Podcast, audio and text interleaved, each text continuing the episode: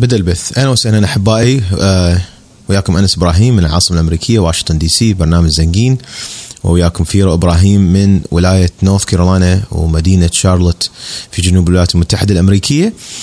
برنامجنا اللي بديناه كبودكاست نتحدث به عن الاقتصاد بطريقة ترفيهية ونقدر شلون نحسن نفسنا. والثوار العراقيين رجعوا بينا الأمل. بأن يكون عندنا وطن. تحياتنا للثوار للثائرين للثائرات في ساحات الاعتصام بكل مكان بالعراق. إحنا وياكم قلبا وقالبا. واليوم بما أنهم مشتاقين الفيرو صار هوايه ما موجود ويانا بالبث وجز يوم واحد صار له موجود ويانا بالبث فيرو صارت الأوضاع متسارعة جدا حاليا. آه، الأوضاع في كربلاء والأوضاع في بغداد في شارع حيفا آه، الأمور متأزمة جدا. الثوار يستولون استيلاء تام على جسر التحرير. ما أعرف إن كان هذا تشتت لقواهم دخولهم للخضراء. ولكن المعطيات تقول بكل الثورات بالعالم إنه الآن هو الوقت يعني القمة الجبل اللي لو يستقيل عادل عبد المهدي ورئاسة الوزراء والحكومة التنفيذية لو من الممكن أن يعني يصير حمام من الدم أكثر من اللي صار. اللي دي يصير حاليا بالبصرة بهاللحظات فشي مو طبيعي. اللي دي يصير ببغداد الأمور متسارعة ولكن الحكومة لا أبالي بسبب إنه إيران خايفة انهز عرش إيران إلى درجة مو طبيعية وخايفين جدا وما مصدقين إنه هذا اللي دي يصير إنه العراقيين طلعوا ضدهم. آه، إطلاق نار حي.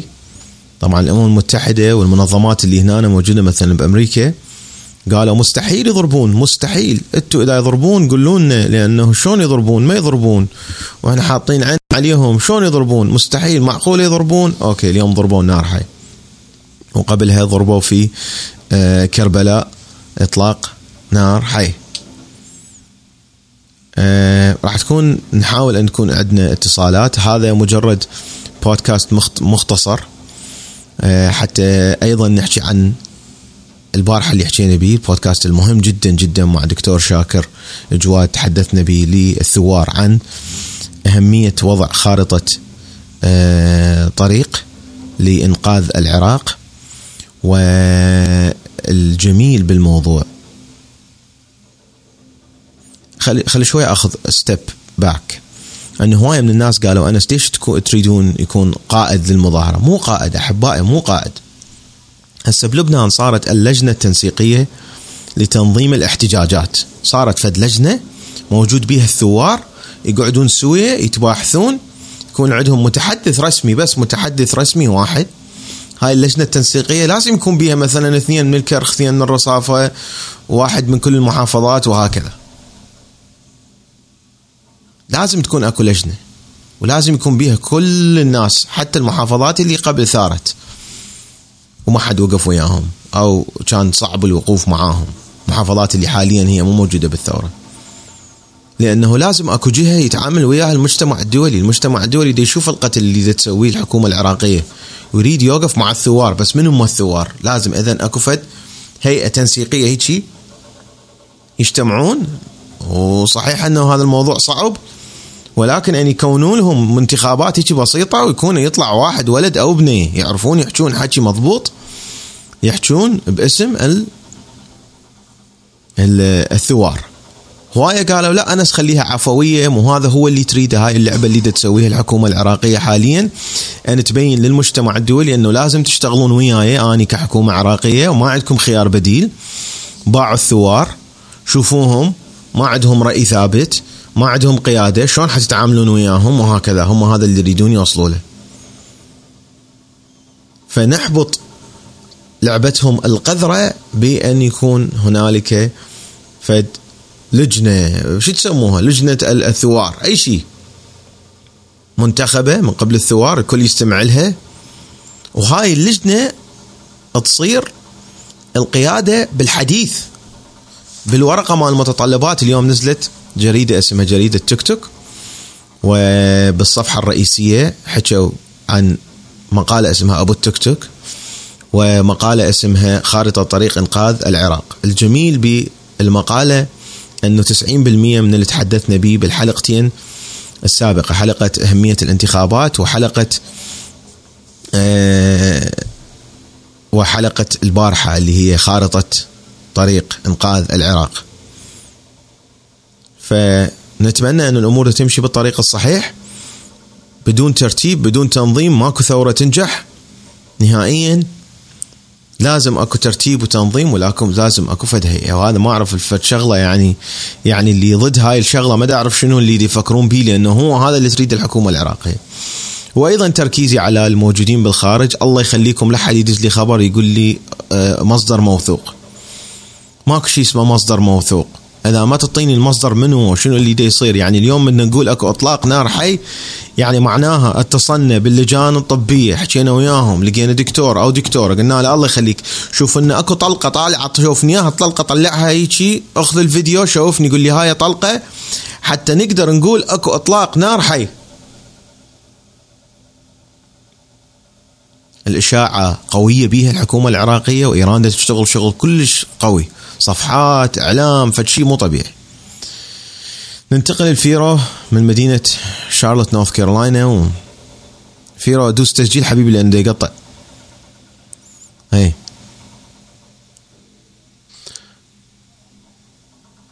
تفضل. هسه أفضل؟ أفضل إيه.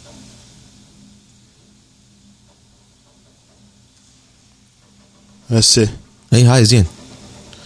ودا نسمعك واهلا وسهلا بيك. أهلا وسهلا بكم أحبائي. الشغلة الأولى اللي أريد آه، اليوم أتكلم عليها أنه في مثل هذا اليوم نوفمبر أربعة آه، ابتدع النظام الإيراني نظام خميني اللي كان هستوى جاي للحكم. بعدما ثاروا على الشاه شاه إيران بعدما كانت دولة محترمة دولة أوروبية اللي هي تركيا كانت لا شيء بذاك الوقت وإيران بوقت الشاه كانت دولة أوروبية محترمة جدا يشار إليها بالبنان.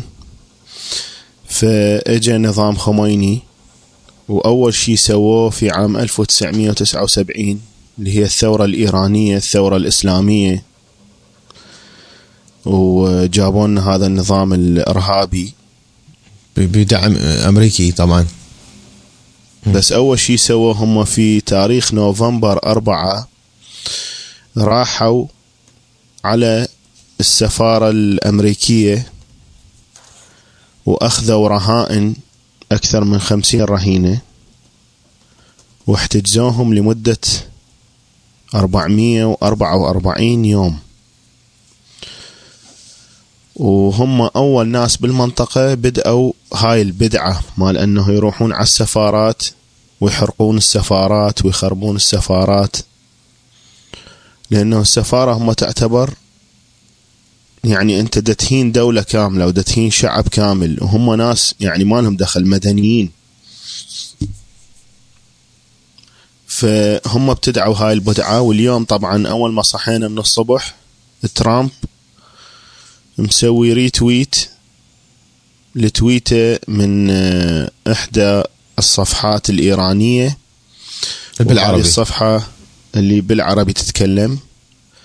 وهذه الصفحة كانت منزلة خبر أنه سفارتنا سفارة الجمهورية الإسلامية الإيرانية في العراق دا تنحرق اللي موجودة في كربلاء وترامب مسوي لهذا الخبر ريتويت طبعا إحنا كبرنامج زنجين بودكاست. إحنا نرفض التخريب تماما. نرفض الحرق. نرفض التخريب. حتى لو كانت هاي دولة إيران ولكن إحنا حتى دولة إيران نحترمها كدول كشعب كناس نحترمهم. حتى حتى لو كانت عندنا خلافات ويا حكومة إيران حكومة ولاية الفقيه خميني وخامنئي والعمايم الشتي شتي ولكن إحنا كشعب الشعب الإيراني نحترمه ونعتبره من الشعوب المحترمة. هاي بلاد فارس من كانت من الحضارات العريقة يعني. فالمهم بس هم إذا تلاحظ بالتاريخ هم ذولا حكومة إيران هم اللي بدأوا بهاي عملية حرق السفارات والاعتداء على السفارات منذ عام 1979 نوفمبر 4 واليوم صدفة أنه الشباب العراقي المتظاهر في مدينة كربلاء يروح ويحرق السفارة الإيرانية. فهذه من الأخبار اليوم اللي كانت شاغلة الرأي العام الأمريكي لأنه دونالد ترامب هو رئيس الولايات المتحدة والتويتر أكاونت مالته يتابعوه أكثر من خمسين مليون مواطن ويهتمون بآراءه ويهتمون بالأشياء اللي ينشرها. وكنا ما ندري أنه هل هو آه هل ترامب يعني نزل هاي التويتة شي زين لو مو زين؟ الزين اللي بيها يعني إنه هو متابع اللي دي يصير بالعراق وشخصيا انفولد هل كان له بيها رأي أو بدون رأي؟ مرات ترامب هيك بس ينزل. آه، طبعا ترامب ضد إيران فأكيد يعني هاي الشغلة تعجبه ولكن أكيد واصلته معلومة تقول إنه اليوم هو يصادف نفس اليوم اللي أول مرة تاريخ السفارات تنحرق سفارة. اللي هو إيران سوته. فسوى ريتويت هاي التويته وبس بنفس الوقت معناها متابع اللي يصير بالعراق. إحنا ما نقدر نحل هاي المشكلة إذا مو بيدنا. ما نقدر نحلها. وماكو غير إنه عقلاء القوم اللي موجودين من ضمن المضا... الثوار. ماكو بعد مظاهرات ومتظاهرين. الثوار اللي موجودين يا عيني أحبائي دا يفوت الوقت. لازم تتنظمون. لازم يصير عندكم فد هيئة تطلع تحكي. باعوا حتى بلبنان صار عندهم فد هيئة تطلع تحكي هي بيها متحدث واحد. الكل مو تنصت لها هي مو تنصت لها ولكن كل الأفكار مال الثوار تجي تروح لهناك تتفلتر يصير عليها تصويت ودائما تطلع من عندها وثيقة واحدة. وثيقة واحدة. لأنه هسه كل دول العالم اللي واقفة وياكم أكو دول هواية بعد انتهت حطت إكس على العراق. صار دم بالموضوع. حطوا إكس على الحكومة العراقية الحالية. فيريدون يوقفون ويا الثوار. شلون يوقفون؟ لازم أكو أربعة خمسة عشرة عشرين عشرين واحد مئة واحد. هيئة. يطلعون بكلمة واحدة. يحجون وياهم. وصح؟ يعني هذا الموضوع خطر من الممكن أنه الأحزاب تخلي خشمها بالموضوع. بس الثوار على الأرض واحد يعرف الأخ يعرفون شنو اللي دا يصير. منو الناشطين المدنيين اللي بيهم من اللي كلمته مسموعة؟ واحد أو وحدة تطلع مرتبة متحدثة رسمية باسم الثورة. ينتخبوها الكل أو ينتخبوه الكل ويطلع يحكي بحيث دول العالم يقول لك لك شنو دول العرب ونشيه كنا نتعامل وياهم؟ باعوا هسه. يبا هذا الجيل الشباب هياته هذول اللي يعرفون يحجون هذول اللي ضد الإرهاب هذول اللي ضد الإرهابيين هذول اللي نقدر نتعامل وياهم. لازم يكون أكو قيادة. تفضل الشغلة اللي الشغلة اللي الحقيقة ما حد ينتبه لها الشغلة اللي ما حد ينتبه لها يعني هذا اللي الحقيقة احتمال دا يميزنا إحنا في هاي البودكاست مال زنقين انه إحنا دنشير إلى المشكلة الأساسية بينما الاخرين يشيرون إلى النتائج إحنا نشير إلى المشكلة الاساسيه اللي ادت إلى النتائج إلى السبب الحقيقي اللي ادى إلى النتائج الحاصله يعني شنو مال التسجيل راحت؟ ما أعرف هسه أحسن. فالكل دا لاحظ أنه دا يركزون على النتائج. ما حد يركز على المشكلة الأساسية. ما حد يركز على السبب الحقيقي. بس هذا الشيء يميز هذا البودكاست. وأني أثبتت لي هاي الثورة إنه أكو كان هواية ناس منافقين ودجالين ومخادعين كانوا يحملون نفس الأفكار اللي إحنا نتكلم بيها صار سنين عديدة. وهم هسه قاموا يحجون بيها لأنه قبل كانوا ينافقون يخافون لا يخسرون متابعين ويخافون أنه يقولون كلمة الحق وخاف الناس تصير ضدهم. ولكن بعد مرور أربع سنوات بدأوا يتكلمون بنفس اللغة اللي إحنا كنا نتكلم بها قبل أربع سنوات. فهذه نفسها هسه إحنا الاستراتيجية مالتنا دائما أنه إحنا سباقين. إحنا نتكلم لأنه إحنا ما جايين ندور فولورز أو فلوس أو هاي المسائل. إحنا عندنا شغلنا الخاص ومن خلاله نطلع فلوس ولا محتاجين على هاي السوالف ولا هاي. فهسه إحنا حنحكي السبب الحقيقي مو النتائج. طبعا ذولاك ورا أربع سنوات أو خمس سنوات حيقومون هم هم يحجون. إي هو أكيد يعني يعني اللي دا يصير إنه المنافقين يسكتون. وإحنا نحكي. الدجالين يسكتون وإحنا نحكي. المخادعين يسكتون وإحنا نحكي. خسرنا أصدقاء الكذابين يسكتون وإحنا نحكي. ورا ورا أربع سنوات يبدأ المنافقون والدجالون والكذابين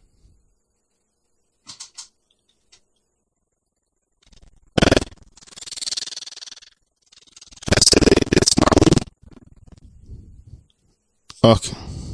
Okay. فالمهم هسه إحنا حنحكي لأنه هو هذا اللي إحنا متعودين عليه إنه إحنا نتكلم نسبق الآخرين. نسبق الآخرين بمراحل. نسبق الآخرين بفترة من الزمن.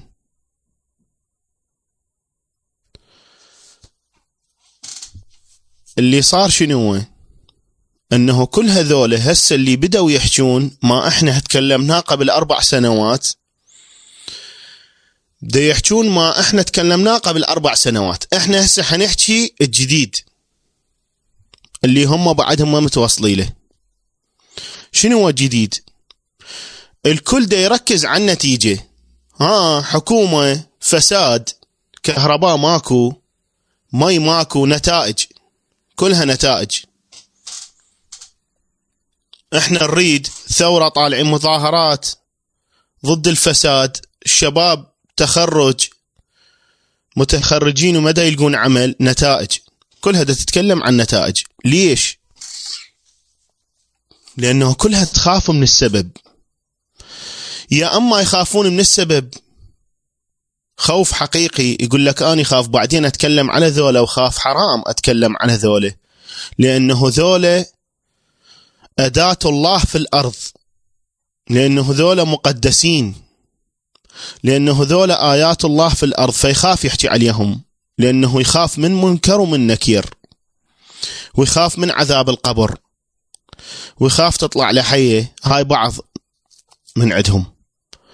والبعض الآخر ما زال يشوف بعين عوره. مدى يشوف المشكلة الحقيقية. مدى يشوف المشكلة الأساسية؟ مدى يشوف السبب؟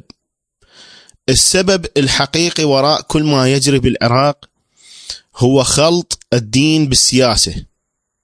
هو وجود العمايم النتنة العفنة السنية والشيعية.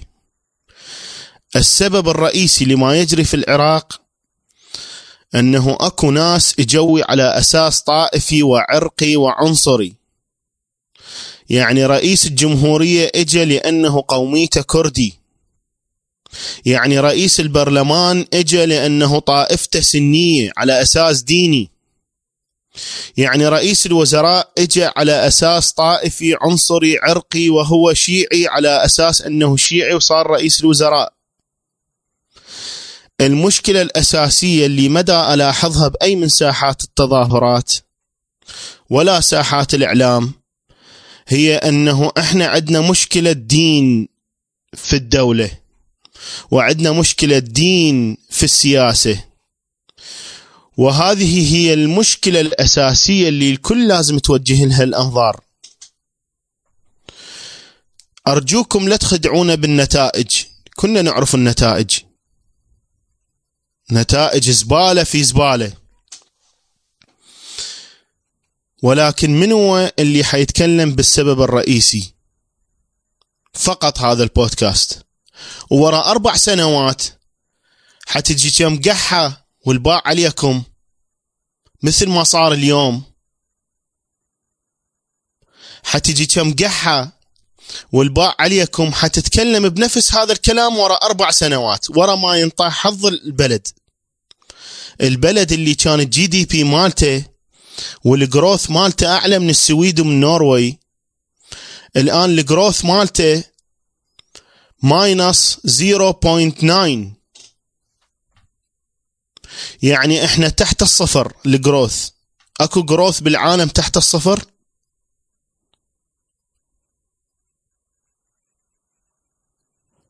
أكو النمو الاقتصادي مال بلد تحت الصفر؟ ورا ما حتخرب كلها تخرب. حيجون المنافقين. ها إحنا كانت عندنا مشكلة وهي خلط الدين على السياسة. ها إحنا كانت عندنا مشكلة رئيس البرلمان اجى لأنه البرلمان للسنة. ها إحنا كانت عندنا مشكلة لأنه عادل عبد المهدي اجى لأنه رئيسة الوزراء لازم للشيعة. ها إحنا عندنا مشكلة لأنه رئيس الجمهورية اجى لأنه رئيس الجمهورية لازم للإكراد. فإحنا للتاريخ بدنا نتكلم هذا الكلام. كل ال ال الإعلام العراقي وكل الناشطين وكل المتظاهرين ركزوا أرجوكم على السبب الرئيسي على المشكلة الأساسية.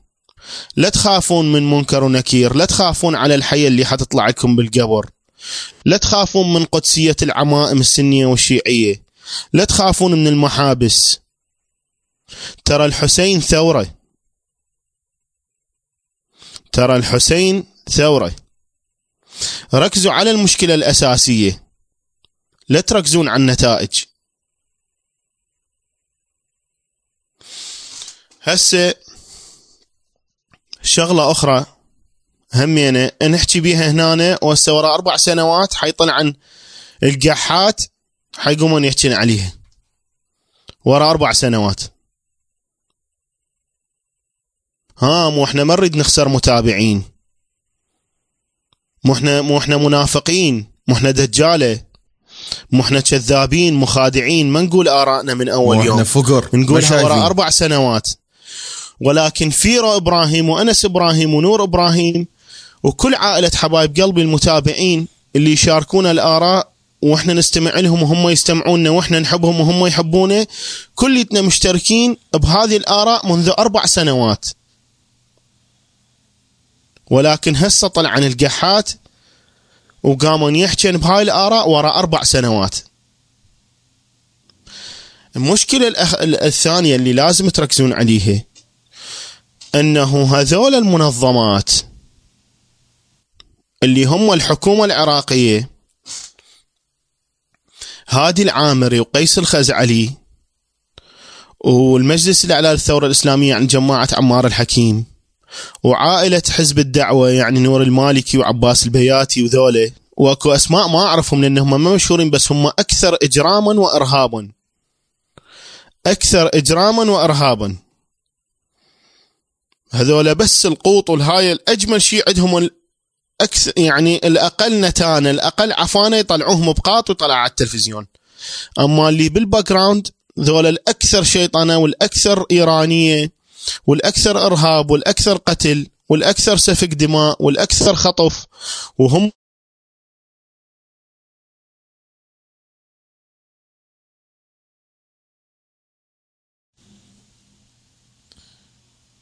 ما أعرف صوت فيرو انقطع. آه فيرو صوتك انقطع. أحبائي كل هذا اللي يحكي بيه فيرو بعض الناس وصل لهم يعرفون شنو اللي دي يصير وشنو اللي صار. الحديث الآن هو أن شلون نرتب روحنا. يا عيني. شلون نرتب حالنا. يا أحبائي. شلون أنه ما يضحكون علينا. البارحة الحلقة مهمة جدا مهمة. جدا مهمة الحلقة مال البارحة اللي بيها إحنا نقول يا جماعة يا ناس يا أحبائي ترى الحكومة العراقية تقول باعوا هاك شوف شوف ذولا مضحكة ذولا ما يقدرون يستقرون على رأي. ذولا يا مجتمع الدولي شلون حتتعاملون وياهم بالمستقبل؟ فمن المهم جدا من المهم جدا أنه التنظيم خارطة الصوت خارطة الصوت الصوت ما يشتغل خارطة الطريق اللي دا نحكي بيها خارطة الطريق المهمة جدا. اللي لا للمتظاهرين ولازم يعرفون شلون ينظمون روحهم. سوينا فد وثيقة الوثيقة مهمة جدا. هاي الوثيقة من الممكن أن حتى الشباب لأنه يعني أنا مدري شلون يعني شلون يختارون واحد من بيناتهم. مو واحد بس مجرد متحدث رسمي. أنه نحكي وياهم. فيرو آه، صوت فيرو ماكو. اي هسه رجع. شنو اللي سويته؟ طفت الكمبيوتر. آه. اي فقر. هم من تحكي على إيران فقر. احكي كمل كمل. اي هو وين وصل تاني؟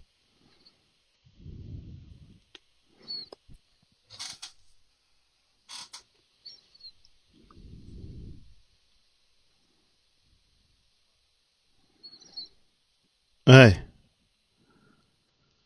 هذول اللي عائلة حزب الدعوة وعائلة الحكيم وعائلة الصدر ومجلس الإعلان الثورة الإسلامية وبدر شلون يعني؟ شلون شعب صحة؟ شلون الشعب الشعب الشعب الشعب, الشعب ال- ال- ال- ال- الثوار اللي طالعين هسه يدرون هم أنه يريدون فصل الدين عن الدولة. هسه اللي ناقصهم ان حبيبي وين الفصل؟ شو وين الثوار؟ الثوار ما يدرون. اني دا باوع يوميا من الصبح لليل أنا متابع. لا دا نحكي على السبب الرئيسي وراء المظاهرات ولا دا نحكي على السبب الرئيسي وراء ال- الكوارث اللي صارت بالبلد. والإعلاميين منافقين ودجالين وكذابين وقاموا يحكون الشغلات اللي إحنا قبل أربع سنوات نحكي بها قاموا يحكوها هسه. يعني شيء وين أنه أكو يعني تأثير تقول أهم شيء صحة. أهم شيء أكو تأثير. يعني إحنا البارحة تنزل الحلقة بعنوان خارطة طريق إنقاذ العراق واليوم تنزل بالجريدة مال الثوار أنه خارطة طريق عند- ثوار آه، شو اسمه إنقاذ العراق وبيها آه، 99% من النقاط اللي يتحدث بها دكتور شاكر جواد البارحة. قبلها لما حكينا على أنه أهمية تغيير قانون الانتخابات نزلوا وقالوا نريد نغير قانون الانتخابات وصار التاثير كلش قوي لأنه أنت ذاك الفيديو الناس تنزله وترجع الصعدة تنزله وترجع الصعدة 12 مليون مشاهدة وصل يعني للجميع يعني ما بيها بعد مجال. فيطلع حتى عادل عبد المهدي يقول لازم القانون نغيره. ده فهمني؟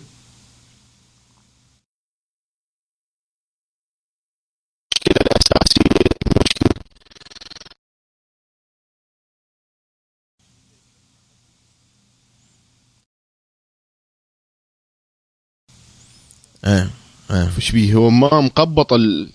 مقبط ال- للوزه مقطع الكمبيوتر؟ هسه هسه تسمعني؟ ده نسمعك زين ده نسمعك. فأنت تقول إنه ماكو هيك حكي يعني؟ ما حد يعرف الاس المشاكل؟ لا أكو خوف. أكو خوف من أس المشاكل. أكو خوف من أس المشاكل وأكو ناس آني أحكي وياهم أسوي لهم conf... يعني comfort them يابا إنه confront them مو؟ إي confront إيه confront them. يابا أنتوا ليش ما تحكون على أساس المشكلة؟ قام يقاطع. حاكفر هون ما مسوي mute لنفسي شنو بده يصير؟ بس فهمني شنو بده يصير.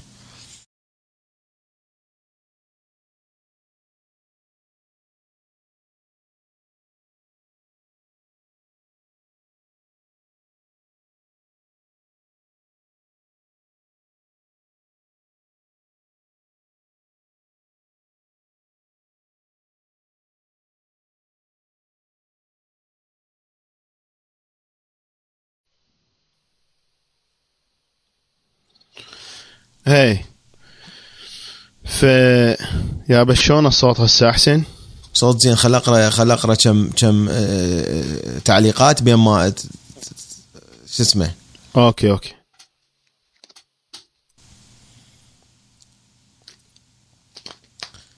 okay. آه، تعليقات عندنا. توكسو سبارك تقول منورين الأبطال مشتاق لكم وأخيرا أقدر أشوف البث. لأن اليوم شنو؟ عندك عطلة؟ أم الجيمر العزيزة. أحمد علي منورين لوطن جديد. آه، أهلا وسهلا بك حبيبي. وتقول أنس التخريب صاير منهم وبيهم. مو من المتظاهرين لأن القندره فائق زيدان راح لايران ورجع اليوم من طيلة جرعة سم على مود يعتقل على أساس دي يخربون طبعا حكيت ويا يعني كل الناس اللي كانوا بالدوره البارحة حكيت ويا اللي بفلان مكان يعني يابا شنو هذا التخريب؟ من دا يصير؟ قالوا ما ندري جوي ناس على غفلة okay؟ شادين وصلوا على لحاياهم هاي ما افتهمتها. قلت لهم دزوا لي صورة هم اللي دي يخربون. أعتقد هالة أو اتش اف تقول المجتمع الدولي يريد جهة واضحة معلومة يتعامل معها لهذا لابد من مجموعة من الثوار تشكيل لجنة رسمية تنطق بصوت واحد لكل ثوار العراق. كلامكم أنا سفيرو في غاية الأهمية وكلام الدكتور شاكر. علمي قانوني صحيح حبي وتقديري لكم هاله وتعليق آخر من آه، توكس سباركي مدى أقدر اقراه ومتي متي منورين شباب أنا سفيرو أخوكم من شيكاغو. ودا أقرأ بقية التعليقات. هسه وصلت المرحلة البلد إنه لازم لازم لازم يستقيل عادل عبد المهدي حالا وإلا يعني يعني الأمور تأججت كلش. نعم. فمنا وغادي اللي نرجوه اللي نرجوه أنه يابا يا ناس يا عالم أرجوكم منا وغادي خلي نركز على السبب لا نركز على النتيجة. السبب الرئيسي هو الإسلام السياسي. الإسلام السياسي الأحزاب السي... الإسلامية السياسية الإرهابية. السبب الرئيسي أنه رئيس البرلمان اجى على خلفية سنية يعني على خلفية إسلامية. ورئيس الوزراء الشيعي اجى على خلفية إسلامية. ورئيس البرلمان اجى على خلفية قومية. إذا هذا الوقت مو هو الوقت اللي تحجون به عن الدين وفصل الدين عن الدولة إذا متى تحجون؟ إذا هذا الوقت مو هو الوقت الصحيح اللي تحجون به مثل ما تكلم به الثورة الفرنسية بعام 1700 يعني بالقرن السادس عشر. وإحنا هسه مدى نتكلم عليه. إيش وقت لعد حنتكلم عليه؟ كلها دا تحكي دا كلها الرسامين والكاريكاتير والشعراء والمتظاهرين والناس كلها دا تحكي على غيرة التيك توك على راسي. أجمل وأروع الصور صارت بالتيك توك. كلها تتكلم على أنه الحكومة دا تضرب دا تطلع دم من الناس. هاي نتيجة. هاي مو السبب. كلها دا تحكي على أنه أكو قنبلة فجرت براس طفل.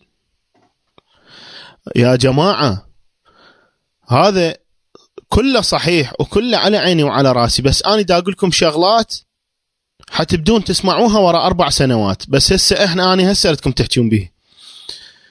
كل هذا دا تركزون عليه صحيح بس والله ترى هذا بس النتيجة هذا مو السبب.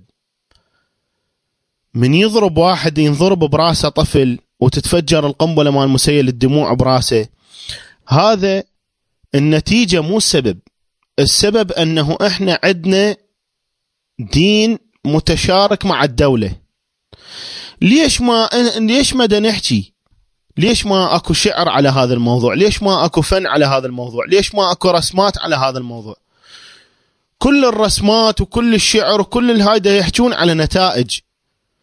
ولكن السبب السبب ليش ما يتكلم عليه؟ ليش بس زنقين بودكاست يتكلم عليه؟ ليش بس زنقين بودكاست يتكلم عليه؟ وورا أربع سنوات ياخذون علينا القحات والباع عليكم ويبيعون علينا ورا أربع سنوات. واحتمال أكثر لأنه أنا دا اعطيكم شغلات كلش futuristic من المستقبل. أرجوكم أريد أشوف بال social media بالناس بال بالمظاهرات أريد تركزون على على السبب لا تركزون على النتيجة. السبب أنه إحنا كلها هاي الحكومة الإرهابية والفساد والهاي اجتي على أساس أحزاب إسلامية سنية وشيعية. ركزوا على السبب. يا ناس ترى الثورة يعني تموت يعني أنا عندي صديقة بالمنصور تقول كلية الحياة دا ترجع طبيعية. هم مسوي لكم بس سيطرة واحدة ومثل ما قال دكتور شاكر الثورة تحرق نفسها. الثورة بدأت تموت. لأنه مطالبكم يعني شوفوا الحلقة مال البارحة. شوفوا الحلقة مال البارحة. والمشكلة إنه المشكلة قادة ماكو. وكل التركيز مال المظاهره على النتائج يعني ما حد ما تكلم نريد جواز يصير زين نريد يصير كهرباء نريد توظيف. ناس ما عندها ضربة واحد بقنبلة.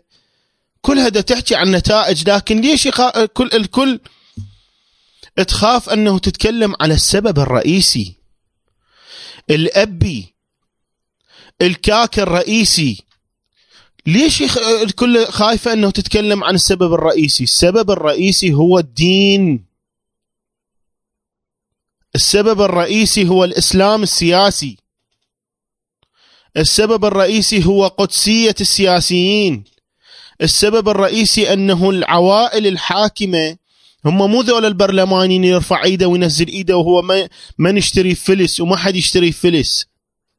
السبب الرئيسي هو العوائل الحاكمة عائلة الحكيم وعائلة المقتدى الصدر عائلة الصدر. والمرجع الأعلى السستاني هاي الأسباب الرئيسية. وبدر والحزب الإسلامي الإرهابي اللي كانوا يصنعون مفخخات. يعني يعني أرجوكم ركزوا على السبب. لا تركزون على النتيجة لأنه إذا ركزتوا بس على النتائج المظاهرات بدأت تموت. يعني تقول لي إنه إحنا بالسوشيال ميديا تقول مبين كل شيء مسدود وهاي تقول إحنا اليوم بالمنصور كليتها مداومه يعني الحياة بدأت ترجع طبيعية. لأنه أنتم تركزون على نتائج والنتائج تبدو سخيفة. يعني أنت من تقول إنه واحد ضرب واحد آه، آه، فجرة قنبلة براسه وأنت ما تقول أنه الضرب إرهابي لأنه تخاف. أنا اليوم جايب لكم التاريخ مال قوات بدر. هسه أنتم من حق رأيكم التاريخ. شنو فرقهم عن الدواعش؟ ليش ما تقولون أنه بدر إرهاب؟ أنه إحنا دا نحارب إرهاب حتى المجتمع الدولي كله يصير وياكم. ليش داعش إرهابية والقاعدة إرهابية بس بدر مو إرهاب؟ عصابة الحق مو إرهاب. في قصده أنه إحنا حزب الله مو إرهاب. ما نشوف أنه هذا الفن الفن الفن مبين أنه باعوا باعوا باعوا شلون هذا الفن كله الرسومات مالتنا الأغاني دا تحكي على المشكلة الرئيسية. هذا اللي مدى نشوفه دا يصير. ما نشوف أنه تركيز الناس على المشكلة الرئيسية. باعوا أحبائي يعني إحنا مثلا على نتائج لأنه يخافون. لأنه يخافون. لأنه واحدة من الأشياء مقدس. المهمة لحظة فيرا واحدة من الأشياء المهمة جدا. واحدة من الأشياء المهمة جدا جدا جدا. أنه الحكومة العراقية هاي البارحة شفناها اللعبة مالتهم. قالها دكتور شاكر قال يابا ترى هم يقدرون المطعم ياخذوه طيارات كلكم يلزموكم يفلشوكم وتفلش. كلكم يلزموكم يدمروكم هسه وينهوها المظاهرة عسكريا. بس هم يريدون يشوفون المجتمع الدولي إنه ذولا ناس ما منظمين ذولا ناس ما عندهم قادة ذولا ناس ما يقدرون يتفقون على ورقة واحدة ذولا ما يقدرون يتفقون على إنه هم شنو اللي يريدوه بالضبط. هسه أنا ولكن ولكن لحظة فيرة. ولكن شغلة شغلة بسيطة جدا. أوكي خليني بس خليني شوي اهدى فيها. خليني شوي اهدى لأنه قامت السلسلة مال أفكاري دا تروح. يعني إحنا في يوم من الأيام بكينا وقلبنا الدنيا لما صار الاستفتاء مال استقلال كردستان. واني ضد التقسيم. أنا مع حق الشعب الكردي على أنه يصير عنده دولة يحلم بيها. الشعب الكردي اللي تركيا وسوريا وعراق وإيران وهاي الأشياء يعني على العموم أكبر أثني أقلية بالعالم ما عندهم دولة. ولكن كانت مشكلتي ويا السبب السبب اللي ذبحنا روحنا عليه. وتشوفون هسه القنوات الكردية صحيح واقفوا يا المتظاهرين آه باع المتظاهرين بس إيش يسوون؟ هم ما يريدون عادل عبد المهدي يروح. هم الدستور هذا هم لهم إيد كبيرة جدا الشعب الكردي إخواننا وأحبائنا. اللي ما نقبل أنه ينفصلون ولكن إحنا العراق جوا ما مستفادين أي شيء. هم مو من مصلحتهم أنه عادل عبد المهدي يطلع. هاي ما حد يحكي بيها. صح؟ الشعب الكردي قلبه آه كناس كبشر قلبهم محروق على اللي دي يصير بالعراقيين ودي ينقتلون. ولكن الحكومة الكردية هي سبب كبير من كتابة الدستور. سبب كبير من التعاون مع الإسلام السياسي. سبب كبير بالمحاصصة. هذا النظام الفاشل اللي بعد ما يشتغل. قنوات الكردية حاليا اللي دا تغطي المظاهرات دا تطلع أنه المتظاهرين ناس ما عندهم رأي. ناس خربطة. يعني المذيع يحرجه يحرجه يحرجه يحرجه يحرجه بس على مود يقول له شنو اللي تريدوه؟ لحد ما يقول له والله ما ما أعرف ما أعرف. ويطلعوها ويركزون عليها ويمنتجوها ويريدون يعيدون بها يعيدون بها يعيدون بها الحكومة العراقية لقت الحل لقت الحل. البعبع يصير لما نصير هذه المضا... لما يصيرون الثوار جهة رسمية. هذا هنا البعبع اللي تنقلب الدنيا وكل تخاف تخاف من عنده.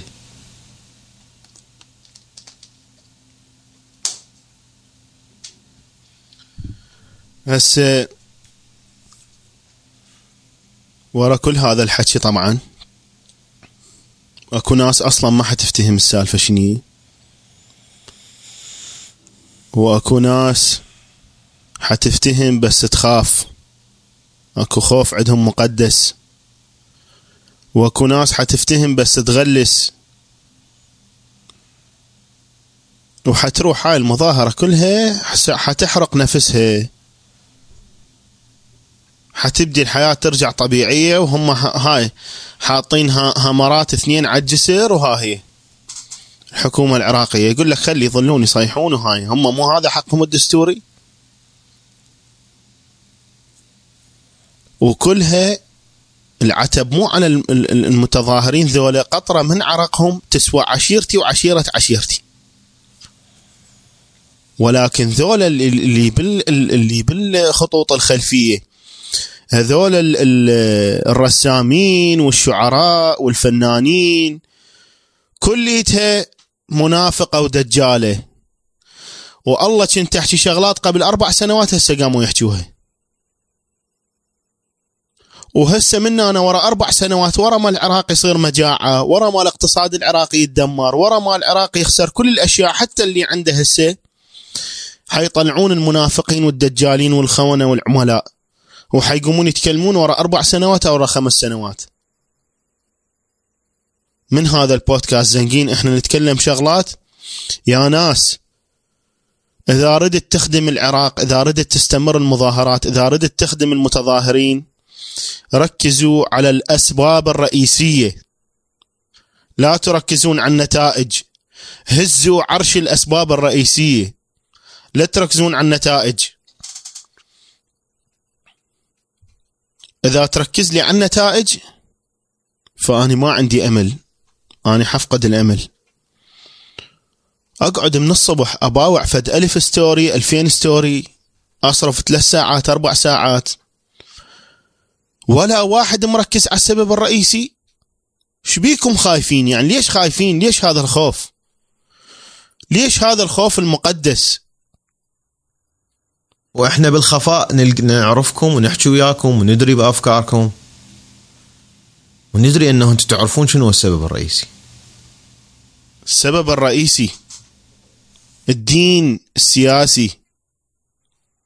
السبب الرئيسي هو الإسلام السياسي اللي لازم كليتنا نوقف وقفة واحدة قدام الإسلام السياسي. مثل ما سووها الفرنسيين في القرن السادس عشر. وقفوا أمام الكهنوتية والبابواتيه أنت إذا دا تحارب نتيجة ما حتحصل. أنت إذا تقول له كهرباء الاردن عندهم كهرباء. سوريا ويا بشار الأسد عندهم كهرباء. أنت إذا الم... إذا تعطي شغلات جدا فد عناوين تافهه أنه والله ضربونه. هو إرهابي. أنت إذا ما تقول له أنت إرهابي معناته هو مو إرهابي معناته مو داعش. فليش دا آني كدولة ليش دا أدعمك إذا أنت ما تحارب إرهابي؟ بس أنت من آني هسه زنقين بودكاست حطيك التاريخ مال قوات بدر حتى بعد منا وغادي نعرف من هو الإرهاب ومن هو المو إرهاب. نعرف أنه عصابة للحق إرهاب منظمة مسجلة بالإرهاب العالمي حتى اليابان تعتبرهم إرهابيين. وأنت بنص ساحة التظاهر وأنت الفنان اللي ترسم بنص العراقية مالتك الوطنية وهاي. ومدى تسميهم أرهابيين. يعني اليابان يفتهم أكثر من عندنا؟ وإحنا حارتنا وحدة ونعرف بعضينا.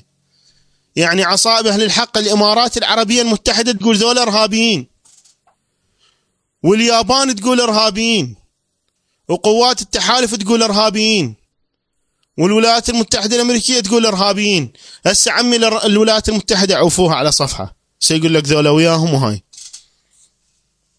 زين مو هذا اليابان. هذا اليابان ما له دخل لا بالولايات المتحدة ولا بالسماوات ولا بالهاي.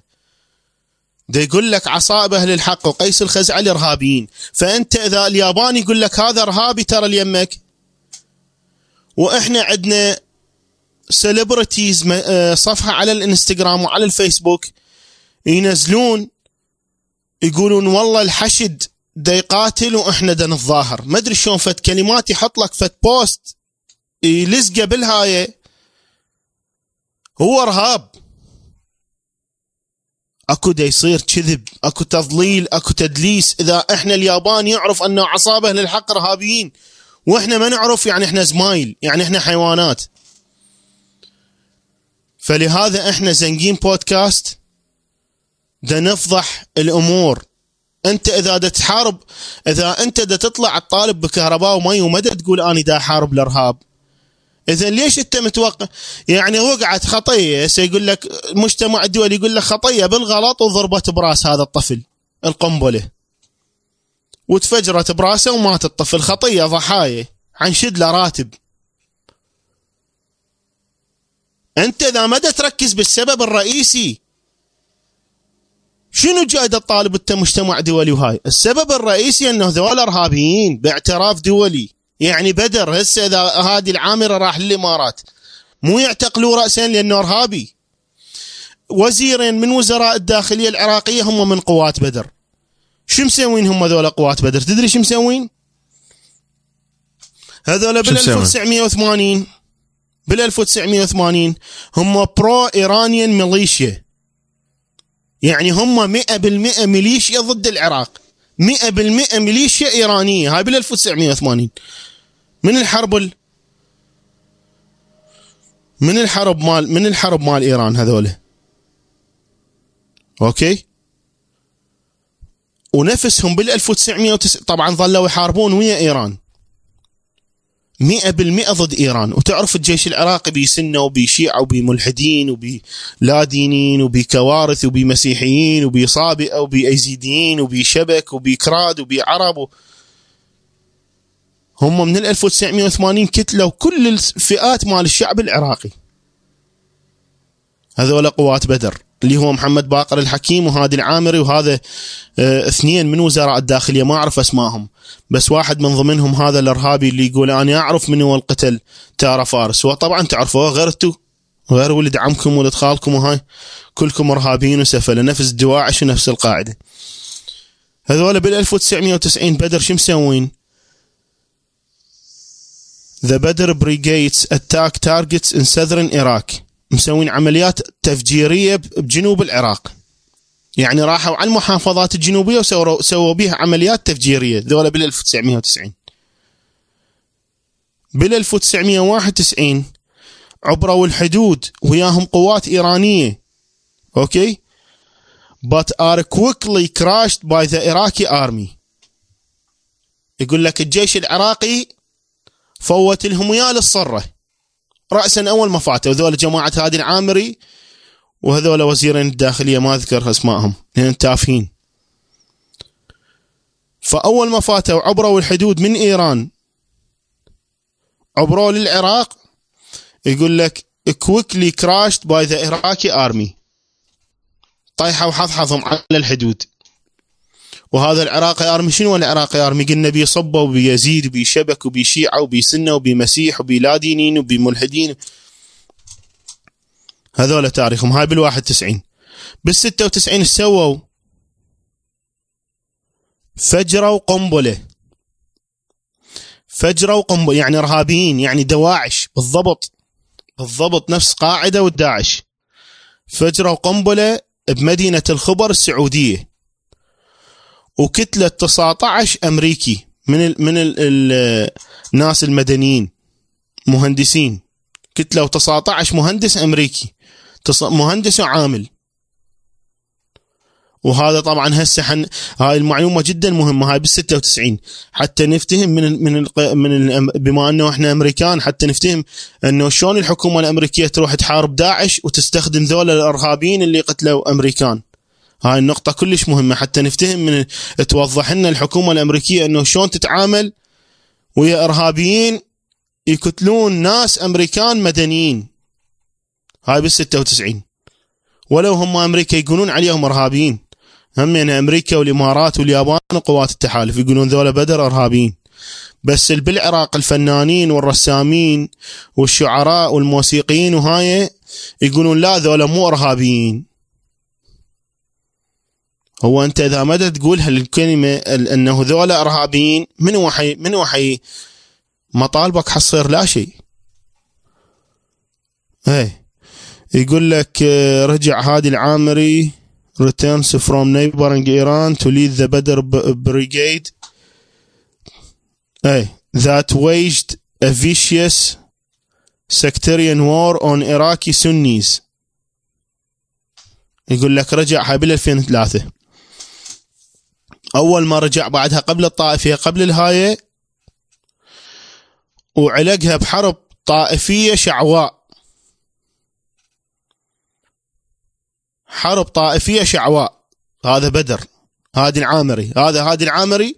الإرهابي اللي ما حد يقول إرهابي. إذا أنت انت هسه والله ذولاك بالداخل يخافون من القتل. أنت بالخارج الرسامين والشعراء اللي بالخارج انت إذا ما تقول إرهابي ليش ما تقول إرهابي؟ إذا أنت تخاف من عنده إذا أنت من إرهابي نفسه. طبعا ويانا هو مكتوب هادي العامر دا يضحك. بالتعليقات. أه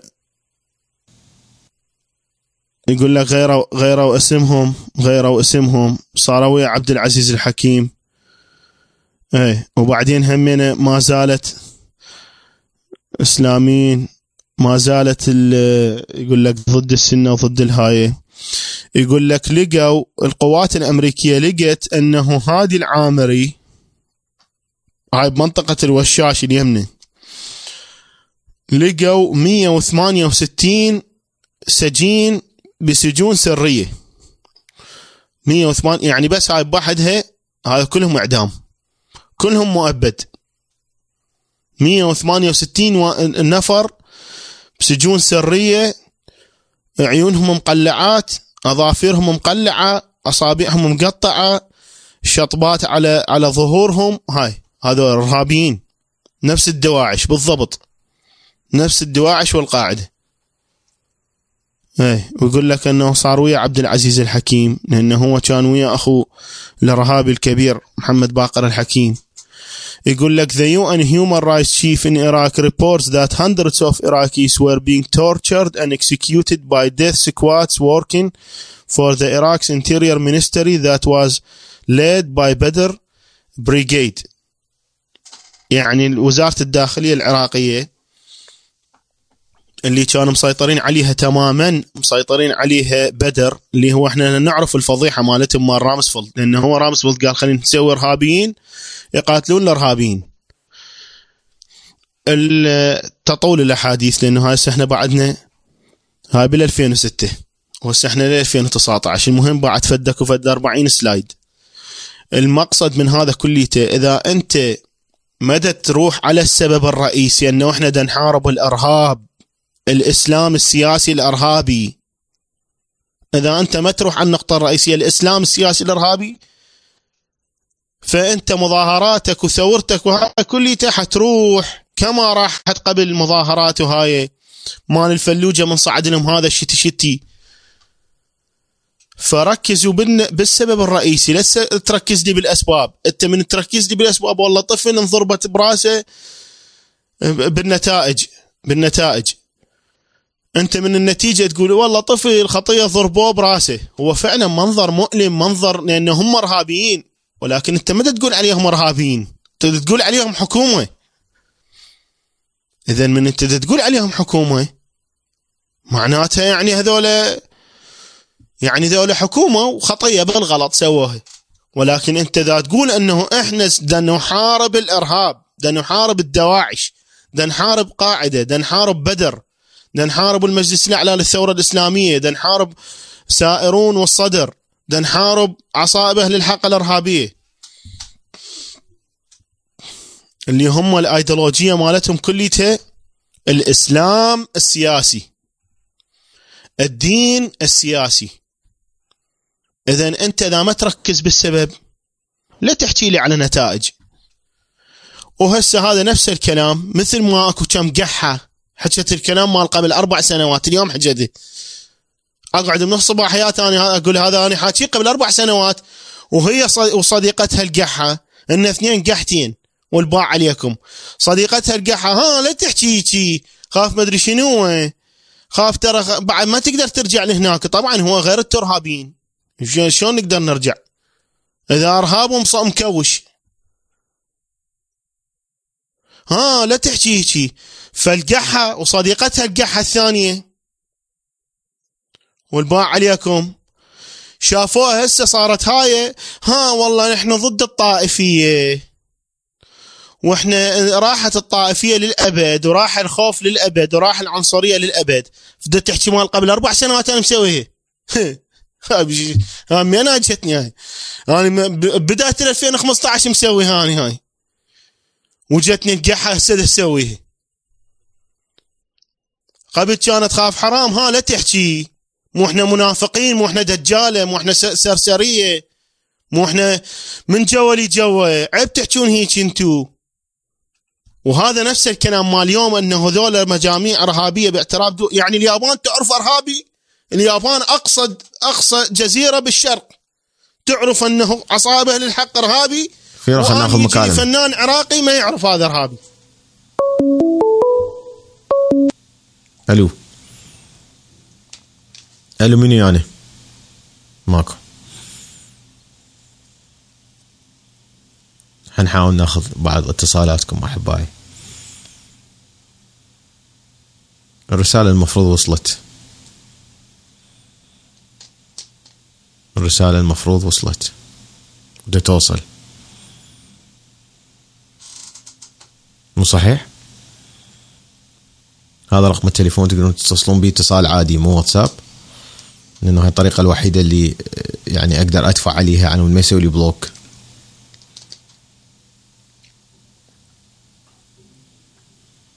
شو قام تخابرني شركات؟ غريب الموضوع. شركة المزن للصيرفة شنو؟ ألو. ألو. أهلا وسهلا. شلون قلبي؟ الله يخليك حبيبي. منو يعني؟ محمد. أهلا وسهلا محمد. احكي حبيبي. حبيبي. باختصار. اوصل ألو؟ قلبي حبيبي نسمعك. احكي. أي اريد اوصل أعرف. اولا إحنا بغداد من الشيعة من الشيعة بغداد خطوبة الشيعية باو حبيبي شوية صوتك لي. باوعد هذا تحكي أنا من السبيكر بس احكي أنا من التليفون حتى نسمعك أحسن. لا لا من التليفون من التليفون يلا أنا حسكت وتحكي. ألو؟ أسمعك حبيبي احكي انت احكي. يعني يعني إحنا بس مو اسم محمد بس مو باقي اللي طلعه قال من الوشاش أنت هسه على البث المباشر تدري مو؟ أعرف أعرف. إيه يعني إيه. من الوشاش تعرف كان قبل الجيش المهدي. إيه. والعقاد. أي هو انخطف بيها فيرو محمود ناجي. كان قبل محمود ناجي لا تتذكره. كمل حبيبي حتى أسمعك. ناجي ناس خوات العالم حشاك ناس. خوات العالم. أي واحد يحكي على القبله وايد جماعتنا راحوا وناس خواتنا حشاك وهسه خلصوا العصا الجيش المهدي جابونا من العصابه النوبه جابونا العصابه وحشاك أي شيء يعني يصير لهم يد هم يعني تبيع بيتك يجون على ياخذون فلوس. إي.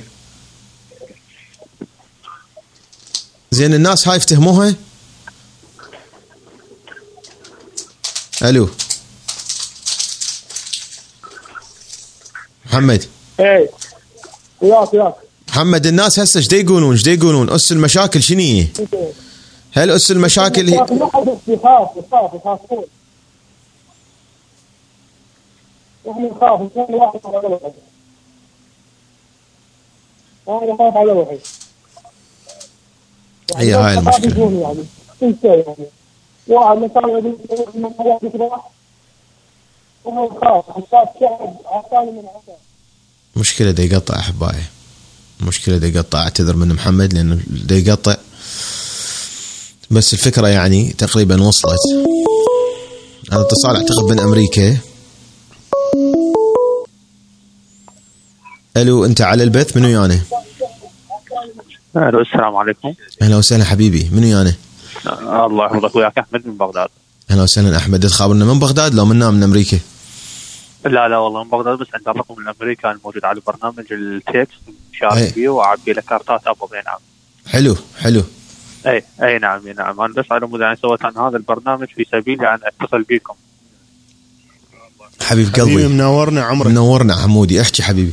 الله الله الله يحفظك عن استاذنا طبعا أشكرك. اني جزيل الشكر وأشكر آه، آه، أخوك سفيرو وأشكر آه، العائلة. طبعا هاي اللي وقفوا للعراقيين رغم إنه أنتم بالغربة وبرا العراق وشايلينهم هذا الوطن. شكرا. جزيلا. معود هذا لا شيء يا معود هذا هي مو قصة إنه واقفين للوطن. إحنا دمنا. محروق. إحنا بلد مباق من عندنا. والله إذا أنتم يعني قلبكم محترق فاكو يعني للأسف الكثير من العراقيين اللي قاعدين برا وأنت قبل شوي يعني قاعد اتابعك دقيقة بدقيقة وأنت تطرقت لهذا الموضوع. اكو الكثير من العراقيين للأسف على قولة يقول من الرسامين والشعراء إي نعم. يقول ال- ال- ال- اللي اللي ما قاعد يذكرون هذه الأوضاع ويخافون أن يقولون هذا العامر هو واحد أرهابي ويخافون يحسن على قيس الخزعلي وعلى غيره وغيره وغيره. جماعة تفرج للأسف والله العراق العظيم بالضبط. يعني هذول الناس الاتكالية الناس الاتكالية اللي عافوا العراق يعني بأشد بأشد المأساة مالته وطلعوا برا وقاعد يغردون ما زالوا لحد الآن. طلعوا بأيام ال ال ال ال يعني خلينا نقول مو بأيام السقوط من بعد شو اسمه إيه. بأيام الطائفية وبأيام وبأيام ال- ال- الشدة اللي طلعوا من خارج العراق. وما زالوا لحد الآن لا وقفوا العراقيين ولا شاركوهم مأساتهم ولا ولا عاشوا هناك ح- حياة كريمة.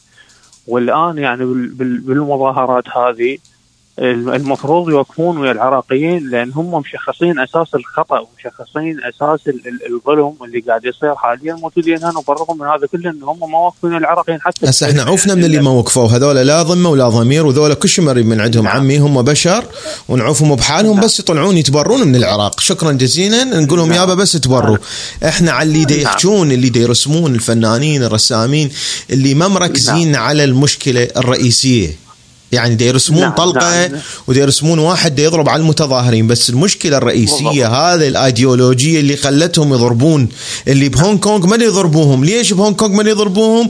ما عندهم إسلام سياسي. ليش هنا يضربون المتظاهرين؟ لأن عندهم إسلام سياسي. نعم بالضبط. يعني هذه هذه هذه طبعا هذه مشكلة. زين هذه شغلة. الشغله الثانية اللي اللي اللي أحب يعني آه يعني أحكي حبيبي. أنتم إن شاء الله أنتم إن شاء الله يعني آه يعني قدها وبدول يعني مفاتحة الأمم المتحدة عن طريقكم أنتم يعني عن طريق المنظمات اللي موجودة برا والناس الخير والشرفاء الخيرين اللي موجودين برا طبعا الان العراقيين اولا يعني أنا مع احترامي للناس هنا الفاهمه وبعض الشباب يعني الأقوياء والمثقفين اللي موجودين هنا بالعراق ولكن م. إحنا عندنا قلة الوعي والثقافة بكيفية مخاطبة الأمم المتحدة مفاتحة المنظمات وحقوق الإنسان العالميه.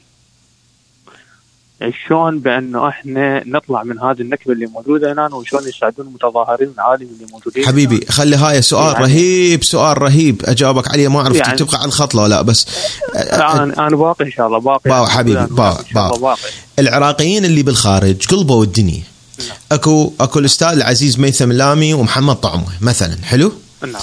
جمعوا مجموعه من الشباب أوكي وسووا تنسيقية بأمريكا. وبيها العزيزة هوايه ناس هوايه ناس موجودين سووا هوايه أشياء.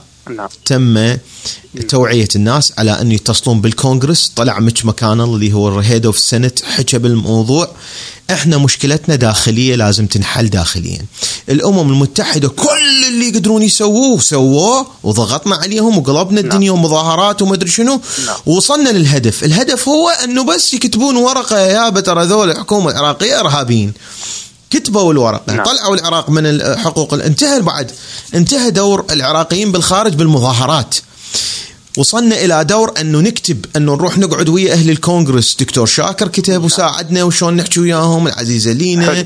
ولد. اسماعيلي أكو هواية ناس عراقيين موجودين بالعراق بأمريكا قلبوا الدنيا.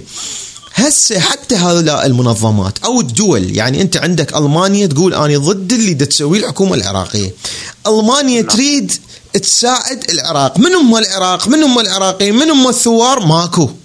لازم اكو مجموعة هيئة تقول إحنا هيئة آه، آه، آه، نتحدث باسم ال- ال- ال- المظاهر. ما بس منتخبين مو هيك يطلع واحد يقول. ثوار يصير انتخابات بساحة التحرير يجون بها من كل المحافظات انتخابات وينتخبون هيئة.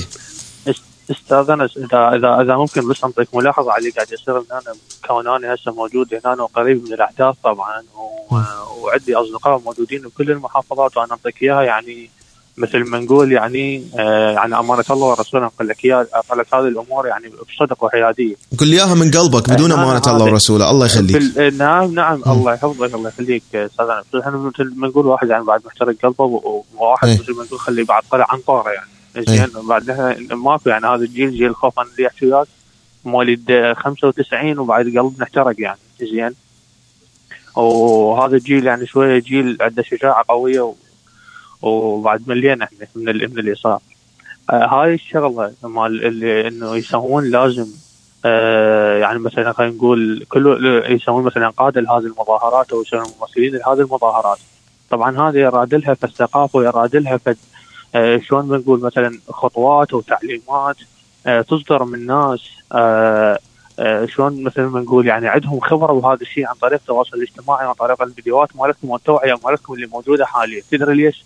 لأن اليوم اللي قاعد يصير على طريق مقصر بصرة زين أنا أحكي لك إياها موثقة بالصور وبالفيديوهات إيه. اللي قاعد يصير حاليا على طريق ام قصر بصرة يعني المتظاهرين نازلين حاليا مانعين الموظفين من أن يوصلون على طريق أربع سيطرات مسوين يعني أربع سيطرات أربع حواجز.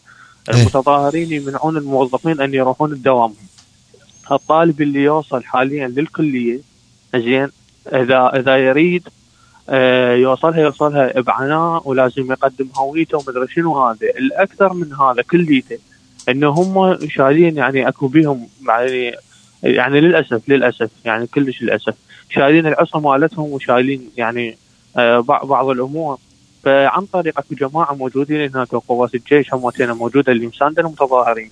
حكوا وياهم وبعدين يلا شوية غيروا النمط مالتهم. فهذا الموضوع أخذ ثلاث أيام بحدود يلا شوية تغيرت صورة المتظاهرين اللي موجودين هناك.